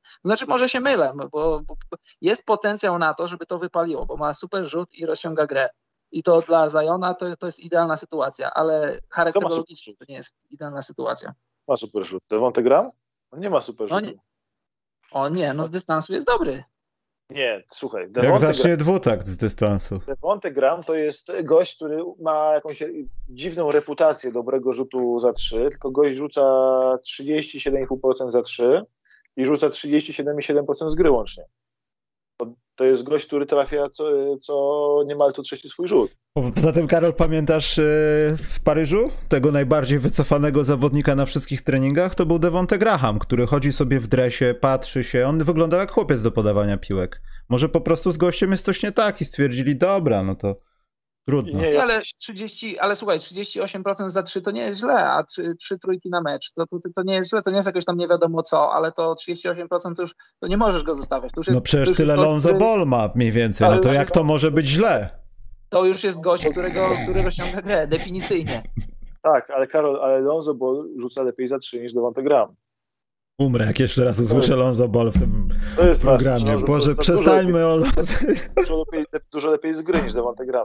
Niż Devonte Gram jak tak. za trzy, to jakiś kretyński rzut, absolutnie. Dobrze, to no. jak chcecie dalej gadać o Lonzo Ballu, to mam dla was nie, zagadkę. Jak zgadniecie... Nie, problem właśnie, nie. problem jest taki, że on ma decyzyjność słabą, że no, no strzelcem, ja, ja zostaję przy tym, że strzelcem nie jest złym, ale decyzyjność ma fatalną, która to decyzyjność pogarsza mu procenty, ale no jak, jako, jako strzelec, jeśli ktoś jeśli ktoś wejdzie mu do głowy, nie wiem, czy to się stanie, bo on ma 26 lat, już, już trochę w NBA pograł i trochę już jest ukształtowany jako koszykarz, ale jeżeli ktoś mu wejdzie do głowy i powie mu, że słuchaj gościu, ty, ty jako, jako czwarta opcja, maksymalnie trzecia, no powiedzmy czwarta, gość rzucający, żeby trochę zredefiniować jego grę, że ty nie jesteś the man, tylko kto inni, inni zawodnicy tam są, no to, to, to jest na czym budować, ale nie, nie, mam, nie mam co do tego żadnej gwarancji. Ale wiesz, pod, czemu podobno w Pelicans na przykład, y, Pelicans mu chyba y, nie bardzo chcieli go zatrzymać. To o tym się mówiło już pod koniec Tak, wiem, wiem, wiem, tak, tak. On, on, też zabierał, on też zabierał, nie dość, że był jest problem w obronie, ale on zabierał rzuty melo. On po prostu nie miał bardzo, tak, tak. kiedy, y, kiedy podać, kiedy oddać piłkę. Było tak, że piłkę napędzasz ruch piłki i Lamelo, cała drużyna żyje dookoła tego, że Lamelo napędza ruch piłki krążącej tam po obwodzie ładnie. On podaje i nagle wpada w tą piłkę Devonte Grami i dwóm, przez, przez podwojenie nagle oddaje trójkę kompletnie z dupy i nagle wszyscy mówią o co chodzi człowieku. Albo Ale robi tak, kozioł w trójkę, tutaj z 6,5 metra wali jakiś półdystans, też taki z zachwianej pozycji jest. Ja, on jest dużo fajniejszy do oglądania w statystyce niż na żywo. Ja mi się strasznie go ciężko na żywo ogląda, po prostu yy, to jest cegła za cegłą, za cegłą, za cegłą. Czyli pasuje do Brandona Ingrama? No w sensie tak jak uważam, że tak jak Lonzo był ulubionym partnerem do gry Zajona w drużynie, tak Devonte będzie najmniej ulubionym dla Zajona i Zajon będzie pokazał palcem, żeby on siedział już po prostu, trenerowi będzie pokazał. Nie on, nie on, nie on, po prostu według mnie to by dużo utrudnił już. Lepiej niech jego miejsce gra ten Kira Lewis, który jest y, trochę mniej szalony i może jest dużo młodszy. Ale on Kira nie może. Y, zagadka jest, bo znalazłem coś takiego wczoraj. Na wszystkie drużyny NBA, które teraz grają, dwie zagadki są, nie? Ale druga jest taka śmieszna bardziej. Ale pierwsza jest taka, że San Antonio jest chyba, bo mi się to rozjechało, ale tak, San Antonio jest rekordzistą, jeśli chodzi o e, niewykonanie transferów nigdy ever w swojej historii, w historii NBA z pewnymi drużynami. Zwykle tutaj jest jedna ekipa, dwie ekipy, na przykład Boston nigdy z San Antonio nie handlował, albo Charlotte nigdy z Toronto. Mhm. E, z kim San Antonio nie handlowało? Ja byłem zaskoczony. To, tu są jakieś kosa, nie tam klacz. Nasz, szuka, szukacie tragedii tam, gdzie ich nie ma. Tu są prawdziwe tragedie. Lakers. Z Milwaukee, z Indie... Nie, z Clippers, tak? Mhm. Nie wiem. E, tak, pokazuje tak rozpiska. E, z Bostonem i tutaj są zaznaczeni New Orleans Hornets, no czyli z Hornets. Tutaj bym szukał gdzieś jakiejś awantury. To jest rekordzista, bo zwykle jedna drużyna ma jedną, dwóch takich partnerów, z którymi nie była partnerami, a San Antonio ma aż cztery. San Antonio z nikim nie handluje. No właśnie, dla, dlaczego? Tak dlaczego? Tak mało transferów w ogóle. Boją się. Dlaczego? Czy to oni, czy ktoś z nimi nie chce? Myślę, że Popowicz po tym, jak wymyślał generalnie teraz już niech to po prostu, no dobra, czekamy, czekamy aż ten dziad odejdzie i dopiero potem handlujemy sam. Natomiast, poczekaj, druga zagadka jest taka, że najbardziej, naj, ak, najgorszym aktywnym zawodnikiem, jeśli chodzi, najgorszym, najlepszym w tej statystyce w zasadzie, który nie awansował do playoffów z największą ilością spotkań bez playoffów jest Zach Lawin. To jest druga moja zagadka z tego sezonu. 411 spotkań bez playoffów. Zak w tym roku może się to zmienić. No, e, ja, ja bym wrócił do tych Pelicans na koniec, bo jeszcze Pelicans jakby robią coś absolutnie na mnie przedziwnego i głupiego, bo nie tylko ten deal, e, gdzie, gdzie oddali aset za grama, to jest abstrakcją, ale oni już tego lata oddali dwa asety za darmo, w sensie podpisali na, na start przebudowy, e, pozyskali tych asetów tam od Milwaukee, od od Lakers nazbierali tych pików, to prawda gównianych pików, ale pików. I teraz już dwa z nich oddali, jeden żeby zrzucić centra, któremu dali przedłużenie rok temu, a, dru a drugi teraz oddali, żeby pozyskać cholernego Devonte Grama, więc to jest jakby bardzo złe zarządzanie, zarządzanie tą przebudową, bo ja rozumiem, że chcecie przebudowywać mocną drużynę jak najszybciej, ale oni zrobili dokładnie ten sam błąd na przykład y, za czasów y, AD, że od razu zaczęli gonić za playoffami po prostu bez patrzenia i wypruwając się za, za setów za wcześnie, nie, nie, nie zyskując za nie żadnej realnej wartości.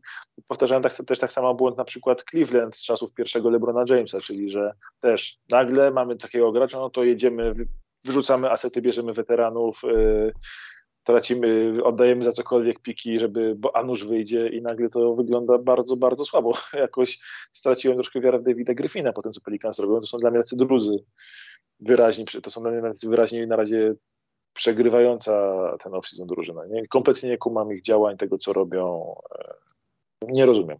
A Nowy Jork? Gdzieś to ty sam, sam, sam powiedziałeś, Maciek, co łączy Cleveland 2014-2018 i tych Pelikanów? Właśnie David Griffin, on lubi, lubi takie, takie odważne szarże i jak masz Lebrona, który ci na wschodzie zapewnia przynajmniej finały, raz tytuł, to, to, to, to się opyla. A jak no masz na Ingrama, którzy nawet ci nie gwarantują playoff, to zaczyna to wyglądać nie za dobrze. Tak, a Cleveland nawet z LeBronem dało radę, jak tam e, w latach 2003-2010, jak też od razu mając młodą gwiazdę, nawet nie patrzyli na zbieranie dalszych asetów, tylko tak. dobra, jeździmy w górę. I się okazuje, się okazuje, że takie te ostatnie kroki na tej drodze, nawet już pomijam, że Pelicans są na początku górki, to Memphis będący nad nimi cały czas zbierają asety i ich oszłabili z pików, mimo że są nad nimi w tabeli, tak? mimo że oni mimo było w playoffach, to jest w ogóle abstrakcja, ale to, że jakby takie pójście w górę, to się okazuje, że potem na tych ostatnich krokach, jak musisz już, jesteś blisko kontendowania, to żeby wejść na tą drogę kontendowania, musisz te kroki wykonywać bardzo drogo. I wtedy się okazuje, że ci brakuje tych asetów. Od tego się Filadelfia odbiła, która nagle teraz nie ma asetów, żeby dołożyć coś do Bena Simonsa, żeby pozyskać gwiazdę, więc sama musi żądać jakichś takich śmieszno żartobliwych e, pików z fantazy, e, ofert z fantazy za Bena Simonsa. Nie powiem od kogo takie oferty mogły wychodzić.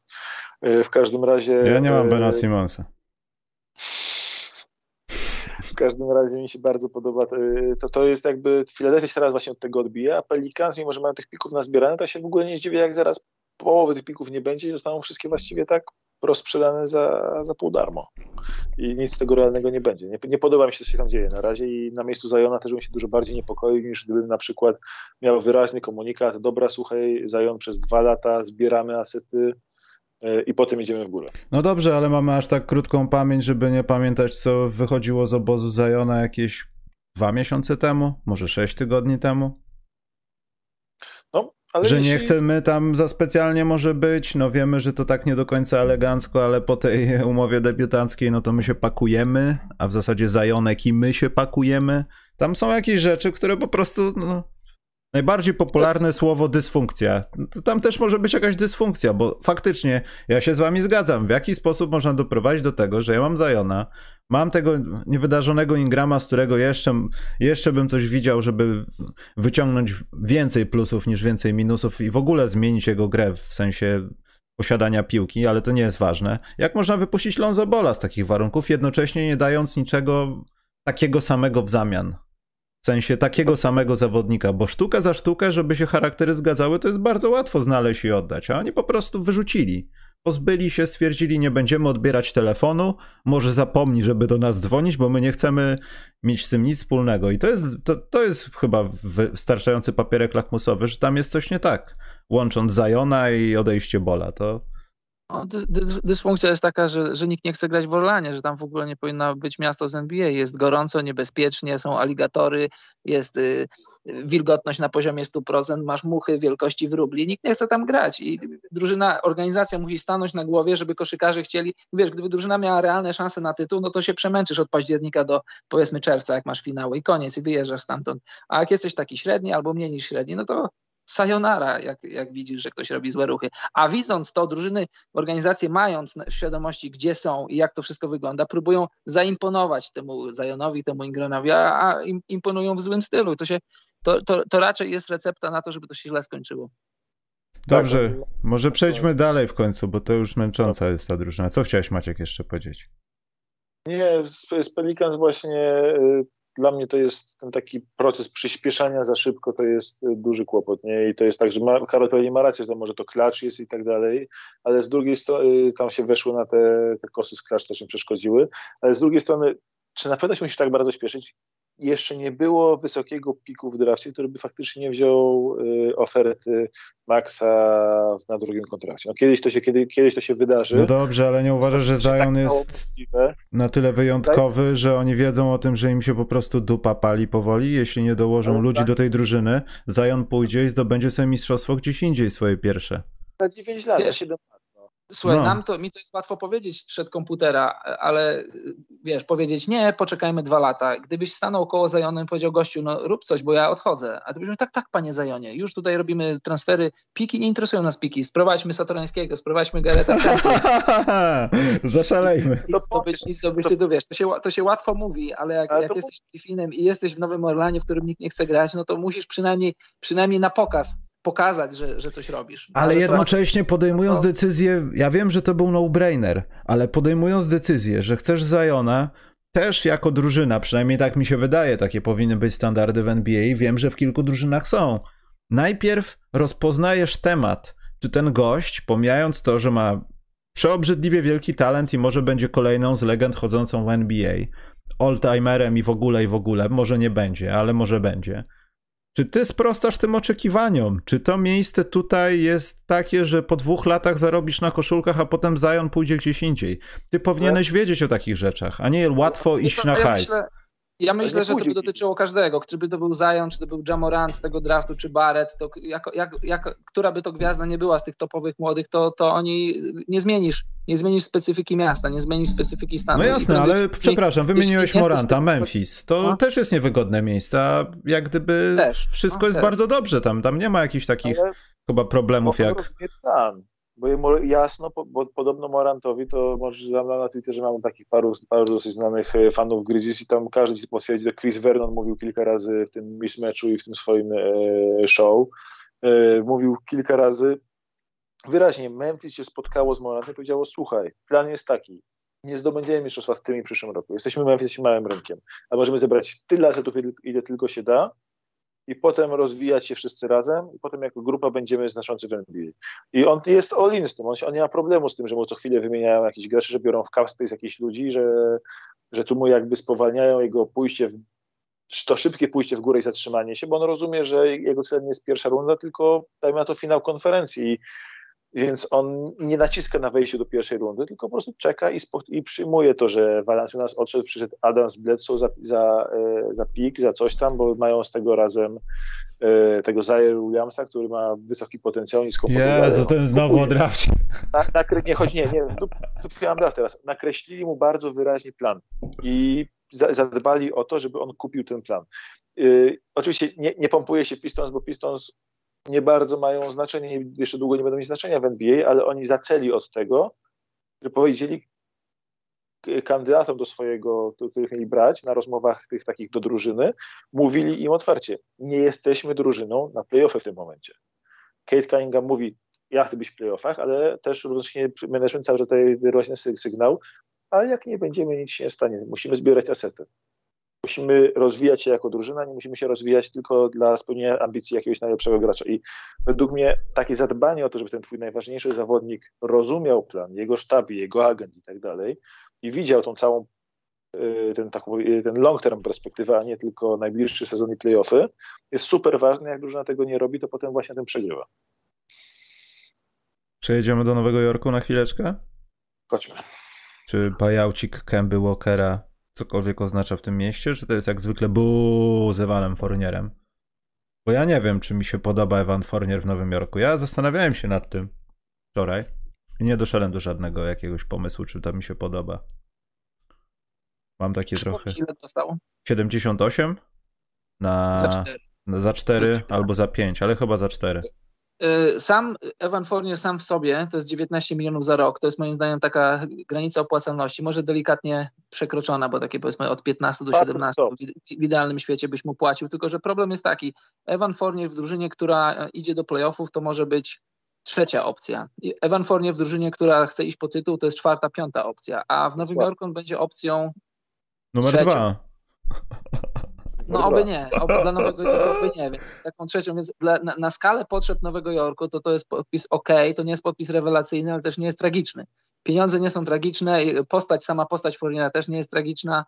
Taki wiesz, no, drużyna, która psim swędem weszła do playoffów, zakontraktowała sobie zawodnika, tak, zakontraktowała sobie piątą opcję, która ma być drugą opcją, czy trzecią opcją w drużynie, która ma wejść do playoffów. Brzmi średnio, ale jak patrząc na historię ostatnich powiedzmy 20 lat Nowego Jorku, to, to też nie jest źle, bo mogli pójść w jakiegoś tam 36-latka, nie wiem czy taki był, ale powiedzmy 36-latka byłego stara, o takiego Chrisa Pola na przykład i dać mu te 120 milionów, nie tak jak dali mu Phoenix y, mądrze i z obostrzeniami, tylko dać mu pełne 4 lata i mówić masz Chris Paul, tutaj są kluczyki do tego samochodu, pojedź z nami do tytułu. To, to by się nie wydarzyło.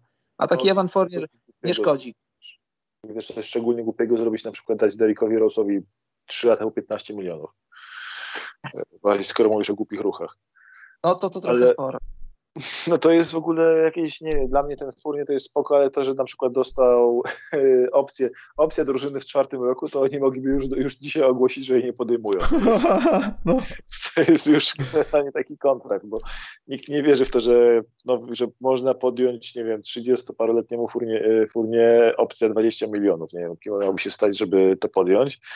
To jest gość, który w playoffach do tej pory był niegrywalny, zagrał jedne przyzwoite playoffy przez całe swoje życie. W każdych playoffach, który był do tej pory grał na skuteczność typu 30% z gry. Y, facet jest potwornym celem w obronie. No to Boston Celtics, jak musieli nim grać w pierwszej piątce, mimo że na początku biorąc go był przymierzany do ławki, jak to u każdego pewnie poważnego zespołu będzie przymierzany do ławki, nie jako tam sixman, taki stand offense, no to Boston był po prostu perfidnie atakowany w Fourniera y, w pierwszej rundzie tam po prostu, gdzie on był, tam szedł, tam szedł atak e, rywala. I to jest jego duży problem. W ogóle mam problem z Nowym Jorkiem, to bo to on, on, jego, kontrakt, jego kontrakt się jeszcze powiedzmy jest kontrowersyjny. Jak mnie to zabolało z użytymi zębami, ale jeszcze się w mia- można go jakoś obronić. Tak? To nie jest jakieś gigantyczne przepłacenie, bo to jest tam, nie wiem, niecałe 20% salary cap. To jest w zasadzie prawie 0,98 derozana, nie? To jest. Tak. Wiesz. Ale to jest, to jest połowa, to jest, to są, to jest 65%, to jest 60% tego, co derozan dostanie, więc spoko. Możemy z tym żyć. Ale problem jest taki, że te pozostałe kontrakty dać backup y, rozgrywającemu, czyli Derekowi Rose'owi 32 czy 33-letniemu po, po takich kontuzjach, który grał 10 minut w Nowym Jorku, 10 minut więcej niż dostał, niż dostał do końca kariery limit minutowy. Do końca kariery limit minutowy 26 minut na mecz, grał y, w, drugiej, w Nowym Jorku 30, 36 minut na mecz. I on nie ma prawa tego przetrwać jakby te, te, tego swojego kontraktu. I backup rozgrywający dostanie 15 milionów rocznie, jako to, jak, jakie to jest najłatwiejsza pozycja do obsadzenia w lidze razem z backup centrem defensywnym, to są, to są jaja. No, Nerlens Noel, czyli backup center defensywny, jak y, wszystkie drużyny, które dają backupom na centrze coś do okolicy mid-level, potem cierpią na to i próbują ich oddawać z pikami, tak jak typu, typu Favors, typu właśnie yy, żeby to kończyć właśnie Favors, Tristan Thompson i tak dalej, to też jest potworny błąd według mnie i to jest tak, że dali Noelowi kretyńską umowę, 10 milionów rocznie dla rezerwowego defensywnego centra bez możliwości w ataku i ta obrona też jest taka, ach, w jego przypadku, bo ani nie zbiera, ani pozycyjnie się dobrze nie ustawia. Mają tego Rose'a, który no, rezerwowy rozgrywający 15 milionów to jest super luksus, zwłaszcza w jego stanie zdrowia i w jego wieku. E, wzięli, dali Alekowi Berksowi, czyli gościowi, który będzie ich seventh manem, nawet nie six manem, 10 baniek rocznie. Tylko znowu Berks to jest gość, który w obronie się bardzo stara, ale nie ma nawet połowy skillu defensywnego Reggie'ego Bullocka, którego puścili od tak. I który też nie będzie, i którego siła jest kiedy na piłkę w rękach, a Bullock by bardziej pasował waląc trójki bez piłki. I tak próbuje zrobić, co oni tam w ogóle robią. Ten Kemba im ratuje ten oficjalny Kemba za 8 milionów, nawet w tym stanie swoim zdrowia i też bliskim, bliskim emerytury. 8 milionów rocznie dla rozgrywającego z pierwszej piątki to się obroni. To, się, to, się trudno, to jest żadne ryzyko, ale to ratuje ich tylko to, że Oklahoma dała jakiś przedziwny buyout temu Kembie, ale bez tego... A, to, bo to dwu, chyba dwa lata z tej umowy będzie spłacone, tak? 74? To są dwa on lata? 70, on 74 miliony mu zostało w tej umowie. Opcja gracza na drugi sezon, 36 i, i pół i tam 37 milionów w kolejnym roku w opcji gracza. I Oklahoma, która nie daje buyoutów, tylko potem próbuje używać gracza jako asset, dała mu buyout. Ja nie mam pojęcia, ile on zostawił tam pieniędzy, ale to musi być jakaś potwor, potworna kwota. Ewentualnie dał mu, nie wiem, swój, dał im swój pierwszy, pierwszorundowy pik. Typu oddam ci, oddam ci samej Presti, oddam ci to, co mam, ale jeszcze o tym nie wiem. A może dostał jeszcze klucze do daczy sama Prestiego w Bieszczadach nie, gdzieś? Nie mam, albo dał, dał mu klucze do swojej daczy raczej, jeśli już. E, więc nie, nie rozumiem, jakim cudem Kemba dał taki buyout im i, e, i nie wiem, jakie, jakie tam są wartości, ale tylko ten Kemba dla mnie ratuje ten off-season Knicks, bo oni robili miejsce na drafcie, dodatkowe 2-3 miliony, robili te trade downy w drafcie, żeby zrobić zwolnić dodatkowe 2-3 miliony w cap space, które wykorzystali na monstrualne umowy Noela i Berksa i Rose'a. To, troszkę ich ratuje też to, że te umowy się okazują teraz, że są w trzecim roku niegwarantowane, w sensie częściowo niegwarantowane, ale to i tak jest jakby dla mnie popis, taki popis zagrzebywania się w średniactwie. Ja nie wierzę, że jak się potem pokaże gwiazdą, że patrz, jesteśmy New York Knicks, jesteśmy absolutnymi przeciętniakami, zapchanym capspace'em, to jakaś gwiazda powie, ojejku, ale świetna sytuacja ida. No nie wierzę. Oladipo w Miami Heat. Gdzie? Teraz się pojawiło? Yes, sir. Tak, szans. szans. Ale słabo. Słabo dla Miami. Ciekawe, czy to będzie pięciu tenorów teraz? 40. Bo Chris Tucker a, będzie miał tylko chórki, będzie. A. A, a, wracając do Nowego Jorku, mogę jedno zdanie, to się zgadzam ze wszystkim, co Maciek powiedział. E, do, dajesz 3 razy 10 e, teoretycznie obrońcy, który nie broni, dajesz backupowi 3 razy 15, który Pamiętacie, jak oni grali serię z, z Atlantą i, i Derrick Rose gra, grał ewidentnie ponad stan. I Atlanta to szybko po dwóch meczach odkryła i, i zajechali Derricka Rose'a. Derrick Rose, dobry Derrick Rose to jest 17-20 minut. Zresztą, tak jak Maciek powiedział, on w ogóle, on ma, on ma taką, on ma receptę, on ma papiery na to, że nie może grać dłużej. W ogóle no, jest sentyment wokół, wokół Derricka Rosa, to to kupuję jak najbardziej. Koszulki się będą sprzedawać finansowo, to się wszystko wyrówna, ale sportowo nie możesz backupowi dać tyle pieniędzy, bo, bo takiego, taki backup pójdziesz sobie na Bronx i znajdziesz. No z całym szacunkiem, oczywiście przesadzam, ale wiecie o co chodzi. A Legbergs tak samo, no też gościa możesz, do, może, takie usługi jakieś daje Legbergs, to możesz gościa za 3-4 miliony albo nawet z końca pierwszej rundy nie mieć bez powodu, Noel, Nie bez powodu Noel i Bergs rok temu byli na minimach. I a tak, miał, tak, właśnie o to chodzi. A Rose grał za, za 6 milionów czy 7. 6 milionów, no. no. I to były odpowiednie kontrakty i nagle dali im trzy razy więcej. Ja, się, ja podejrzewam tak naprawdę, jako że zupełnie inaczej działał e, Leon Rose rok temu. Bardzo, bardzo rozsądnie zarządzał kapem jakby i tak bardzo rozsądnie zostawił sobie dużo miejsca w, w cap space, żeby brać ewentualnie buyouty, jakieś tam gości. Tak sprytnie to zrobił. A w tym sezonie działa zupełnie inaczej. Mam wrażenie, że tam Dolan się zajarał presją i mówił zatrzymaj skład i jeszcze go wzmocnij koniecznie za wszelką cenę, będziemy teraz drużyną playoffową i wywarł taką presję wewnętrzną na Leona Rosa i mam wrażenie, że to jest jakby wina Dolana, który się zajarał tymi playoffami i średniactwem i że to stamtąd wyszła presja na te idiotyczne ruchy, a nie do końca od managementu, ale nikt oceniamy jako całą organizację, a nie tylko jako Leona Rosa. Nie? Tak? Mhm. Tak. Nie wiedziałem. To powiedz mi, powiedz mi teraz, bo ja nie jestem przy komputerze, patrzę akurat w drzewa, powiedz mi, jak będzie wyglądał Oladipo, na jakich warunkach? Nie jest powiedziane jeszcze, jest tylko, że tak. will return. A, no słabo dla Miami. To znaczy słabo, no życzę mu dobrze, ale on, on już zdrowy nie będzie. To, to, on już nie będzie, to już nie będzie na pewno poziom All-Star, to będzie no, zawodnik. Roczny tak. kontrakt. Roczny, a no, roczny kontrakt to okej, okay, to do przełknięcia.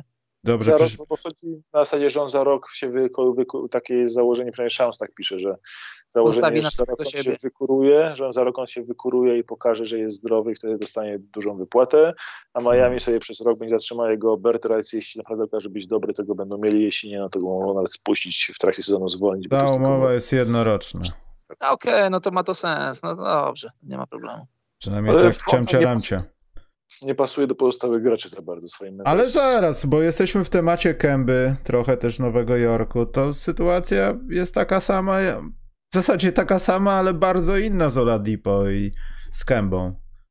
To są goście, którzy przed tym, jak wskoczyli do wody, zdaje się z różnych przyczyn, czy też losowych, zdrowotnych, bądź też jakichś innych swoich wyborów, oni po prostu nie nauczyli się pływać w tej wodzie. Mam trochę takie wrażenie, że Kęba w Nowym Jorku on może być bardziej zakatowany niż doceniony po tym, co robił świetnego na boisku, bo gdyby w takim punkcie zero złapać zdrowego Kębę, to Nowy Jork naprawdę poprawia swój stan, jeśli chodzi o tą pozycję. Ale chyba tak nie będzie do końca. I to samo mam wrażenie z Oladipo. To jest takie podejście, a taka dobra drużyna tu się formuje, będzie small ball poza tym takim wysokim, co różne rzeczy tam na igrzyskach robił i i będzie wszystko w porządku. I nagle się okaże, mam nadzieję, że nie, że Oladipo będzie miał dobry kwartał i znowu coś. I widzę no, tutaj wiesz, no, pewne szkoda... podobieństwo między tą dwójką. O, jasne, szkoda człowieka jednego i drugiego, no ale pewnych spraw nie, nie przeskoczysz. Oladipo, nie Oladipo, y, Walker, Kemba Walker po pięciu operacjach kolana kolano, zobacz, ostatni rok w bańce miał problemy. Mhm. Między bańką a wejściem do sezonu on, on ile? 3-4 miesiące w ogóle nie grał. No to już to są takie rzeczy, które to już, to już jest chroniczny problem z kolanem. On będzie, możesz tam ten maintenance stosować, że będzie grał jakieś mniejsze minuty, że będzie w back-to-backach nie grał, ale dalej, to już jesteś po 30, już masz problem z kolanem, więc już będziesz ten problem miał. Chyba, że będziesz jak Kobi jeździł do Niemiec i sobie wstrzykiwał różne nielegalne substancje, ale to też, to, to możesz jedynie przedłużać swoją karierę, a nie, a nie przywrócić jej do punktu, w którym była. Gdyby to był Kemba z tych najlepszych lat w Charlotte, no to super, ale to jest Kemba taki, który ani nie pogra dużych minut, ani wielkiej roli nie będzie miał, bo raz na 15 meczów będzie musiał siedzieć na, wiesz, na 5, na 7 meczów. No szkoda, bo ja bardzo Kembę lubiłem, ale wiesz, jego siła jest taka, że on nie jest super silny fizycznie. Jego, jego siła to zawsze była szybkość, zwinność, minięcie i tutaj sobie kreował, kreował sobie pozycję do rzutu. Jeżeli tego nie masz, jeżeli tracisz jakieś tam, nie wiem, nawet głupie 15 czy 20% ze swoich możliwości, no to już, już jesteś połową zawodnika, którym byłeś. No jeżeli byłeś All-Starem, czy ocierałeś się o All-Star, to teraz jesteś przeciętnym zawodnikiem. To, to yy, niestety przyjeżdża nazwisko do Nowego Jorku i to, to może wyglądać, to może przez tygodnie, parę miesięcy może wyglądać nieźle, ale w skali ogólnej to no, nie widzę tego zdrowotnie. No ja się, ja się tutaj zgodzę, bo to jeszcze w ogóle z Kępą jest tak, że te pięć operacji, on tam ma dziurawą jakby, że nie dość mi się jakieś tam torbiele robią, to jeszcze mu chrząstki, chrząstki nie bardzo ma. No. Ja, ja mocno sympatyzuję, też miałem pięć operacji kolana, więc mniej więcej wiem, czym on się tam mierzy, poza tym, że on jest zawodowcem, na to kolano powinien 15 razy bardziej zużyte niż ja, e, ale z nim generalnie jest ten klimat, że jak on stracił część tego swojego kroku, on generował, to jest identyczny case, to był Isaiah Thomas, on, był, on jest malutkim graczem, który generuje sobie trójki z pull-upy na trzy, bo obrońca musi się przed nim cofnąć o krok, żeby nie, nie zostać minięty po prostu tym tak. jednym krokiem w paint. I obaj kończyli też świetnie tam w paint i, i Kemba i Isaiah Thomas, dzięki temu, że się tam wjeżdżali na dużej prędkości, znajdowali kontakt i albo był osobisty, albo, albo leja, bo tam na, przez kontakt kończyli. Jak mu się skończyło to minięcie takie, takie bip, bip i gościa nie ma, tak, tak to obrońca może do niego podejść z ręką i on tak jest taki mały, że on tej pula w trójki nie znajdzie dobrej. I tak. nagle się okazuje, że Kemba nawet z pick and rolla, nie, że Kemba, żeby móc spenetrować, to potrzebuje pick and rolla i to potrzebuje pick and rolla, yy, który nie jest nastawiony na odcięcie go, bo jeśli jest nastawiony na odcięcie go, to on nawet tego wysokiego posłuje, który zrobi jakiś hedge wysoki, czy, czy coś w tym stylu, nawet nie zdąży wjechać do paint. I nagle się skończyła cała gra Kemby przez to utratę pół kroku. To jest case taki jak miał Isaiah Thomas i de facto tak samo skończyła się kiedyś kariera Gilberta Arenasa, który stracił pół kroku, stracił drugi krok, właśnie nawet nie pierwszy krok, stracił drugi krok w, swoim, w swoim, swojej penetracji i nagle w ogóle wyleciał z ligi w tym błyskawicznym. E, Maciek, I... wyszukujesz jakieś archetypowe przypadki. Popatrzmy na to, jak wygląda pull-up Derricka Rose'a. I odpalmy sobie ten pull-up z tych sezonów, kiedy Dragiciowi podpisywał się na czubku głowy markerem, kiedy dawał wsad i robił sobie herbatę w tym samym czasie. To jest to samo. To jest ten sam ruch, tylko dwa razy wolniejszy, dwa razy jakiś taki nieraptowny i też przy okazji no wyskok jest o ileś tam procent mniejszy. W ogóle no to wygląda jakby ktoś robił to na treningu, a Derrick Rose robi to w meczu, bo się stara. To wygląda tak samo. Ty nie masz tego pierwszego czegoś, co ci dawały zdrowe nogi, no.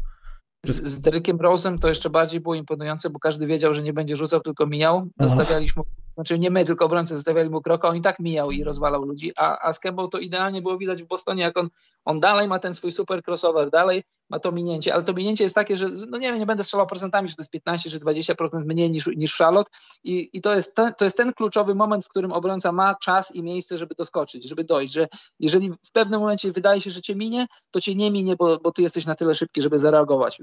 To jest, to jest, to jest tak. ten taki ułamek czegokolwiek, że, że on jest w stanie sobie separację wykreować, żeby rzucić, żeby oddać to, rzut czy minąć to jest ten klimat, że na przykład jak się, nie wiem, po jakimś acelu albo po mikroz... O, dajmy, mikrozłamania są, powiedzmy, mikrozłamania w kolanie, czy tam takie problemy z chrząstką, czyli do Kemba. E, to jest ten najlepszy case taki, dlaczego jak się trudno zrozumieć NBA, bo jeśli człowiek, koszykarz nawet, powiedzmy, zawodowy z Polski, czyli taki wytrenowany na, dajmy to 80% swoich maksymalnych możliwości, albo jakiś tam taki koszykarz amator, będzie miał mikrozłamania w kolanie, to on wróci do, do formy normalnie, nawet nie zauważy różnicy w swojej grze za bardzo.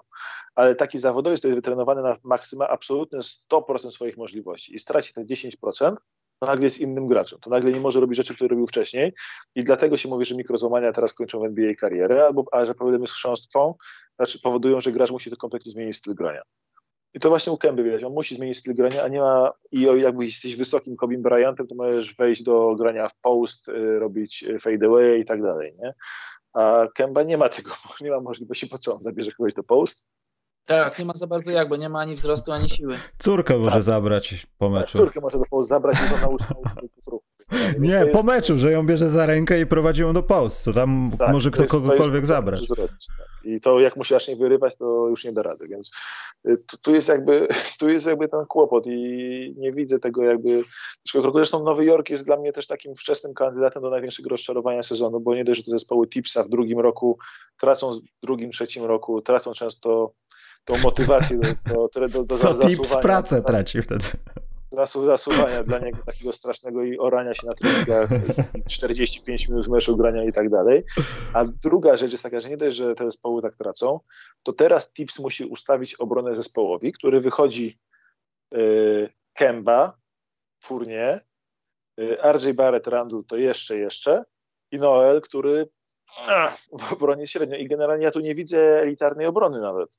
Tips będzie tu jakoś schematami musiał strasznie ratować, ale na point of defense ma albo Kembe, albo Furnie, albo Rosa. To jest trzech koszmarnych obrońców. Każdego z nich można atakować. Mało tego, tak. dwóch z nich tak, on starał się już zabić kiedyś w przeszłości. Oni o tym pamiętają. Derrick Rose pamięta i Touch Gibson też pamięta, że on chciał ich zabić w Chicago. A, Więc to jeszcze no, bardziej. Kembie, Kembie to będą po treningach puchły kolane, co, kolana, co mówiąc po meczach. Tak, więc ja jakby nie widzę, nie widzę tego zespołu nawet w obronie, mimo że to jest ich firmówka, więc ja się boję, że tu, tu się może skończyć jakimś gigantycznym rozczarowaniem, mimo że ja bardzo dobrze życzę Nowemu Jorkowi, bo ja bardzo chciałbym, żeby był Nowy Jork dobry, żeby te duże rynki, takie typu Chicago, Nowy Jork, y, Los Angeles, żeby trzymały określony poziom, bo to jest dobre dla ligi, to wtedy jest, rośnie zainteresowanie ligą, salary rośnie, małe rynki na tym też zyskują i tak dalej, więc niech nie będą zajebiści, bo niech Detroit będą zajebiści, ale niech będą dobrzy, niech będą tacy, że po prostu, żeby widziały, żeby kibice przychodzili na mecz, żeby się interesowali, mówią, o, Nowy Jork podobno znowu jest Ja tego im życzę, ale się boję, że dla moim pierwszym kandydatem takiego gigantycznego upsetu w tym momencie, w stylu Wizards rok temu aż do końcówki sezonu, kiedy nagle Westbrook wszystko wyciągnął, to to jest właśnie Nowy Jork. Że boję się, że oni mogą nawet yy, mogą się walczyć o play na przykład, a nie być w playoffach. Ja się boję, że za długo gadaliśmy o Knicks i przejdźmy może do pytanek. Dawaj. Ale zaraz, jest kolejna sensacyjna wiadomość. I tak właśnie skomentuję ruchy transferowe tej ekipy, bo to swoją drogą jest żart, to co tam się dzieje. Wolny agent, nowy, podpisuje dwuletnią umowę do Sacramento. Kto to jest?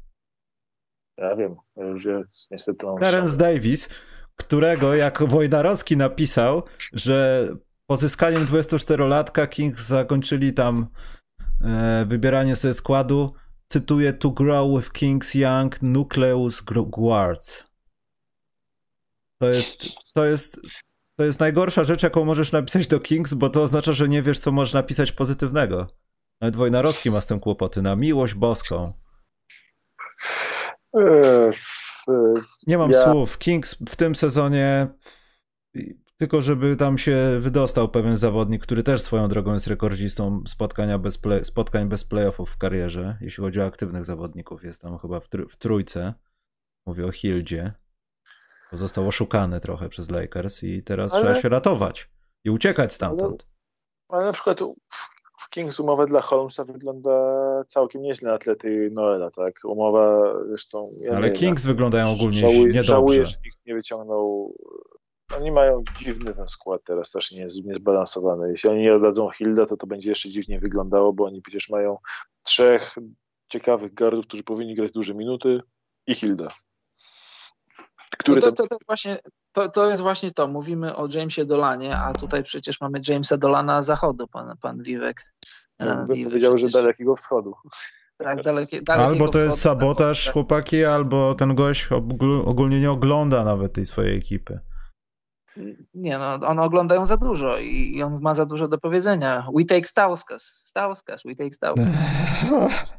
To było najlepsze. Nie, no, to, to jest właśnie tak. Co roku, już od czterech lat, około czterech lat, walczysz o to, żeby być trzynastą drużyną od końca, zamiast porządnie zatankować i wybrać dobrze w drafcie, bo to też nie wystarczy, by do, dobrze, dobrze zatankować. No problem jest, problem jest, no ale co zrobisz, no. To, to, te wszystkie teraz... ruchy Sacramento to jest takie, to jest takie Sacramento w pigułce. Te, te, dwa, trzy ruchy tego lata Sacramento to są to, to, to jest Sacramento w pigułce i za chwilę minie, za chwilę za dwa lata e, Derona Foxa stracisz. E, Mo Harkless na przykład. O, to jest, to jest... Mo Harkless, ja nie wiedziałem, że on nawet w NBA jeszcze gra. No właśnie, właśnie o to chodzi. Właśnie o to chodzi. Aż tu nagle wielki to jest, powód. To jest właśnie, to jest problem. Wiesz co, ja myślę, że NBA powinna zrobić taką zmianę i jak sprzedaje organizację, to powinna, to powinna być jakaś taka jakiś taki okres próbny, jak idziesz do nowej pracy. Dostajesz 4 lata powiedzmy jak organizacja sobie radzi. Jak sobie nie radzi, to dziękujemy, no zapraszamy następnego. No bo nie powinno tak być, bo to dobrze Maciek powiedział, że właśnie powinno być tak dla do idealnego dobrostanu NBA, że te lokomotywy jadą szybko do przodu i cała liga, i cała liga idzie w górę. Bo jakby na przykład Sacramento zdobywało tytuły, to, to, to ta lokomotywa nie szłaby tak do, do przodu szybko, bo to jest mały rynek, nie generowałby takich zysków. Ale Nowy Jork jakby był super drużyną, to, to NBA od razu cała, jako, jako liga, jaka całość poszłaby w górę.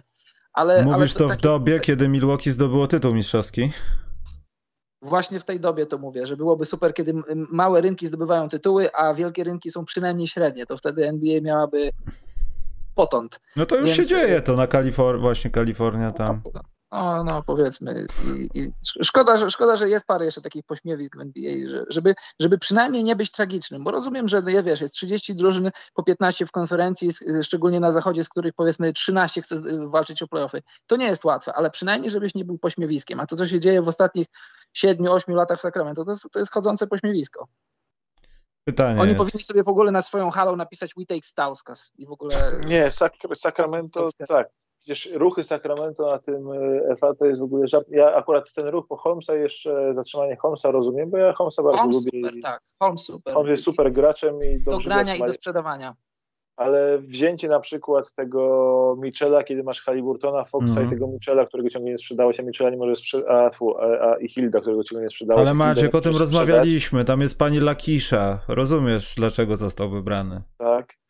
I, ale tam masz Alex Len, no, oni mają takiego Holmesa świetnego i ciągle ściągają mu na łeb kogoś po prostu, żeby mu przeszkadzał. I ściągnęli tego White. I ciągle ściągają kogoś, żeby ten biedny Bagley nie mógł chociaż raz zagrać e, na swojej pozycji, która może by uratowała mu karierę. Tam cały czas, skoro, skoro mamy Ho- Holmesa, to ściągnijmy i tam i na, z, jako rezerwowy centrum powinien grać Bagley w jakichś super ofensywnych line-upach, to ściągnijmy tam Whiteside'a. Skoro teraz y, Whiteside sobie poszedł, to ściągnijmy tam Alexa Lena. No. W sensie ten Terence Davis to jest gość, który raczej nie słynie z dobrego charakteru, który by pomagał budować kulturę organizacji i szatnie. Przy całym tym, że parę fajnych spotkań zagrał, to z Toronto wyleciał. Nie, Toronto raczej się nie pozbywa gości, którzy y, po, pokazują fajny charakter, zaangażowanie i, i, bycie, i, bycie, i bycie po prostu dobrymi charakterami dla szatni, więc y, On To wyleciał z Toronto, bo groził, groził kobiecie bronią. Mm. tak, wiem, wiem, mówię tak względnie raczej. Prawdziwym pistoletem. Ale wiecie co, on sportowo, jak ja go widziałem na żywo parę razy, gość jest powiedzmy takie, nie wiem, 1,82 m, a jest taki dzik, tak skacze, tak rzuca. Zresztą widzicie na treningach, to wiadomo, z bliska to jeszcze, jeszcze lepiej to wygląda. Mi się wydawało, że to może być spokojnie rotacyjny zawodnik w Toronto na lata. No ale tak jak mówisz Maciek, jak nie masz głowy, no to, to nie masz głowy. A tutaj teraz gość, który nie ma głowy, który strzela do ludzi, no nie strzela, przesadzam, ale jest, jest teraz wizytówką Sacramento Kings. Może nie wizytówką, ale jedno, jedną z, de- z ważniejszych decyzji.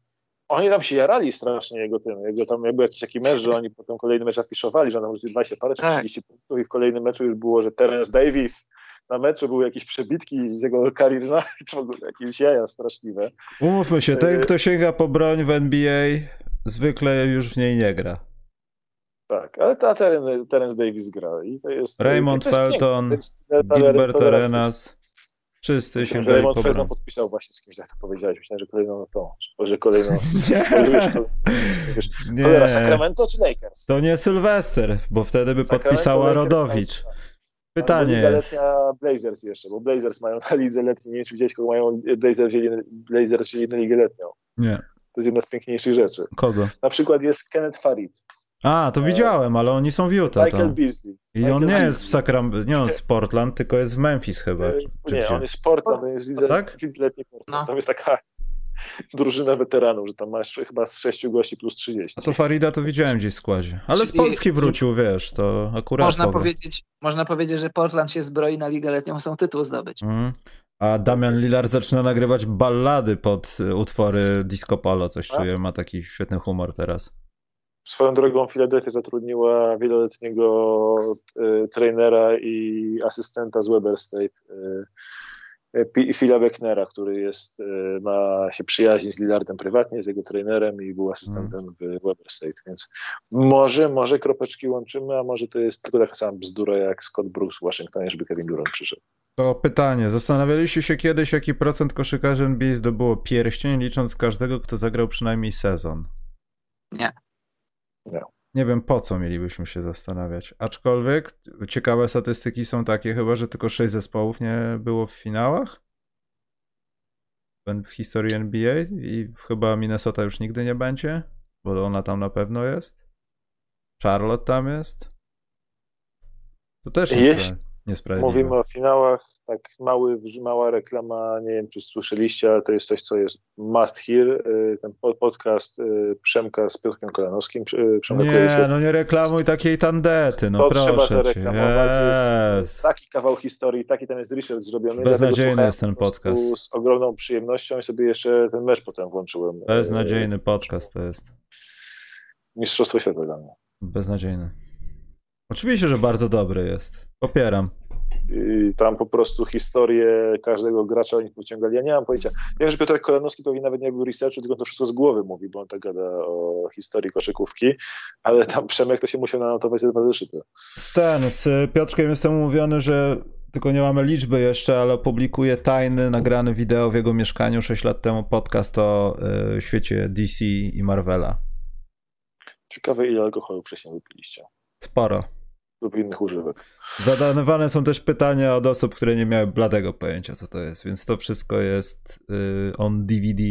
Będzie, jak będą mieli chłopaki milion wyświetleń, to, to ten. Y, z Przemkiem gadałem i na iTunesie będzie, bo mnie zbulwersowało to, że nie mogłem w, w wannie posłuchać i musiałem kombinować, bo akurat tylko jest, tam... jest Spotify, YouTube. Teraz, ale na iTunesie potrzebowałem, bo tak potrzebowałem, bo tak działa mój tablet przestarzały i akurat go miałem przy sobie i patrzę, nie ma. Więc napisałem skargę do twórcy kontentu. A YouTube w wannie ci nie działa? Słucham? A w wannie ci YouTube nie działa? No właśnie problem jest taki, że ten iPad już się nie aktualizuje i mam kłopoty z aplikacjami. Tak w zasadzie działa mi tylko iTunes. A że to już jest taki Walkman w zasadzie, żeby sprawdzić, jak kiedy się zepsuje do reszty, to nie mogłem. Jeśli tak, zanim już będziemy całkiem płynąć, chciałem. Nie, już idziemy sobie. Bardzo, bardzo, tak jeden rzut, jednozdaniowy, że jestem absolutnie pod ciężkim wrażeniem e, fantastycznego off-season w Golden State Warriors. I tyle. Eee, to jesteś lamusem. Ja myślałem, że ktoś z dwóch panów ekspertów będzie hypował kompletnie poniżej radaru, a być może ratujący mistrzostwo po raz kolejny tej drużynie, która po raz kolejny go pewnie zdobędzie, bo się posypią wszyscy. Paty Mills. Zatrudnienie Linka, tak? Nie, Paty Mills. To jest super, super podpisanie za darmo gościa, który po prostu sobie będzie wchodził z ławeczki, a jak Irving zwariuje i będzie szukał nowego patyka, to przejmie jego rolę spokojnie. Tylko na krótki czas, bo potem umrze, ale świetny backup. Nawet jeśli nie backup, to pierwsze łącze do ofensywy. Świetna sprawa, za małe pieniądze w ogóle styl. Nie umiem się cieszyć, nie umiem się cieszyć do, nie umiem się cieszyć szczęściem, e, szczęściem e, Brooklynu, bo tutaj akurat e, jakoś mi tak aż smutno jest, bo taki, to taki ostatnia niteczka, która łączyła Spurs z wielkimi Spurs dla mnie i jakoś tak ta, tej drużynie jest tylko Popowicz i to Popowicz z jakąś chyba wczesną demencją, bo ta drużyna, ta drużyna jakby mi się Mills to był takim ostatnim, taki obrazek, jak tam z Borysem Białym w 2014 roku jeździ po całym świecie z tym swoim pucharem, pije z niego alkohol i jest tam bardzo szczęśliwy. Taki ostatni obrazek, który mi się kojarzy z tymi takimi wielkimi Spurs i teraz już nawet jego nie ma, tego lidera szatni, gościa, który mógł opowiadać tym młodym, słuchajcie, młode kurwy, kiedyś to było. To teraz już tego, yy, tego nie ma, to straciliśmy jakby tak skończyli tak, taki symboliczny koniec tych Spurs dla mnie. Taki, takie troszkę smutne to mimo wszystko. Wojciech Nitek, bo ty powiedziałeś Maciek Nitka, to ja stwierdziłem, że zrobimy taką żartobliwy follow-up jako ostatnie, naprawdę ostatnie pytanie, pewnie do Karola. Dokąd zmierza Toronto? Czy jest to czekanie, aż zejdzie kontrakt z Siakama i powolna ewolucja składu? Jak to zejdzie kontrakt z Siakama? Czemu zejdzie? On nie musi zejść, to jest, to jest kontrakt On się ledwo co zaczął. Trzeba pograć z Jakamem z pół roku, żeby wyglądał dobrze, bo ostatnio nie wyglądał dobrze ani w bańce, ani, ani, w, ani w trakcie poprzedniego sezonu. Trzeba troszkę nim pograć, y, podnieść jego wartość i go sprzedawać, ale nie trzeba go sprzedawać. Można go sprzedać, a nie można. Ma lat 27, jeszcze, jeszcze spokojnie z 5-6 lat dobrej koszykówki przed nim. Zobaczymy, jak w tym nowym rozdaniu y, ze Scottim Barnesem i i z Utah Watanabe, który wróci po, po olimpiadzie, bogatszy o nowe doświadczenia. Ale bez Arona Bainesa. No właśnie, niestety. Też, właśnie. też, kończy się, też się kończy pewna era w Toronto. Była krótka, ale też się kończy. Właśnie go zwolnili. Arona Bainesa. To coś, to coś łączy Arona Bainesa i ten podcast, ponieważ my też kończymy. Tak jest. Dobrze.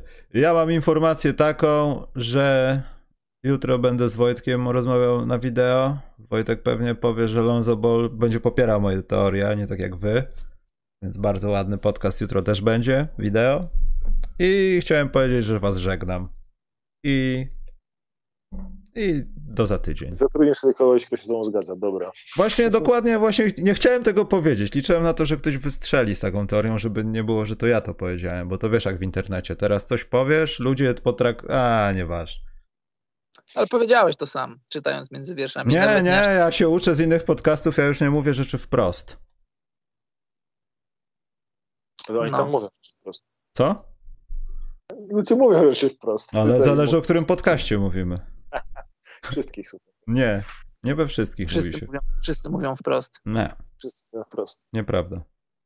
Dobrze. Brian Windhorst, Brian Windhorst, Windhorst nie mówi, bo by wyleciał z roboty. No, Bo dlatego. się boi agregatorów, bo się, Michał, on się boi agregatorów. On, on zaczyna Tak. każde zdanie aggregators, it's not officially No, but nawet sami się z tego śmieją na Jego podcaście, że nie było agregatorów, wiesz. tak, jego ulubiony żart jest zawsze o, now you're gonna get aggregated. Ja po prostu zawsze jak słyszę Windhorsta z tym, to mówię, Jezus Mary, ten gość ma jakąś obsesję i myśli, że ktokolwiek się nim przejmuje poza nim samym jakby i ochroną LeBrona Jamesa, która stara się go trzymać z daleka.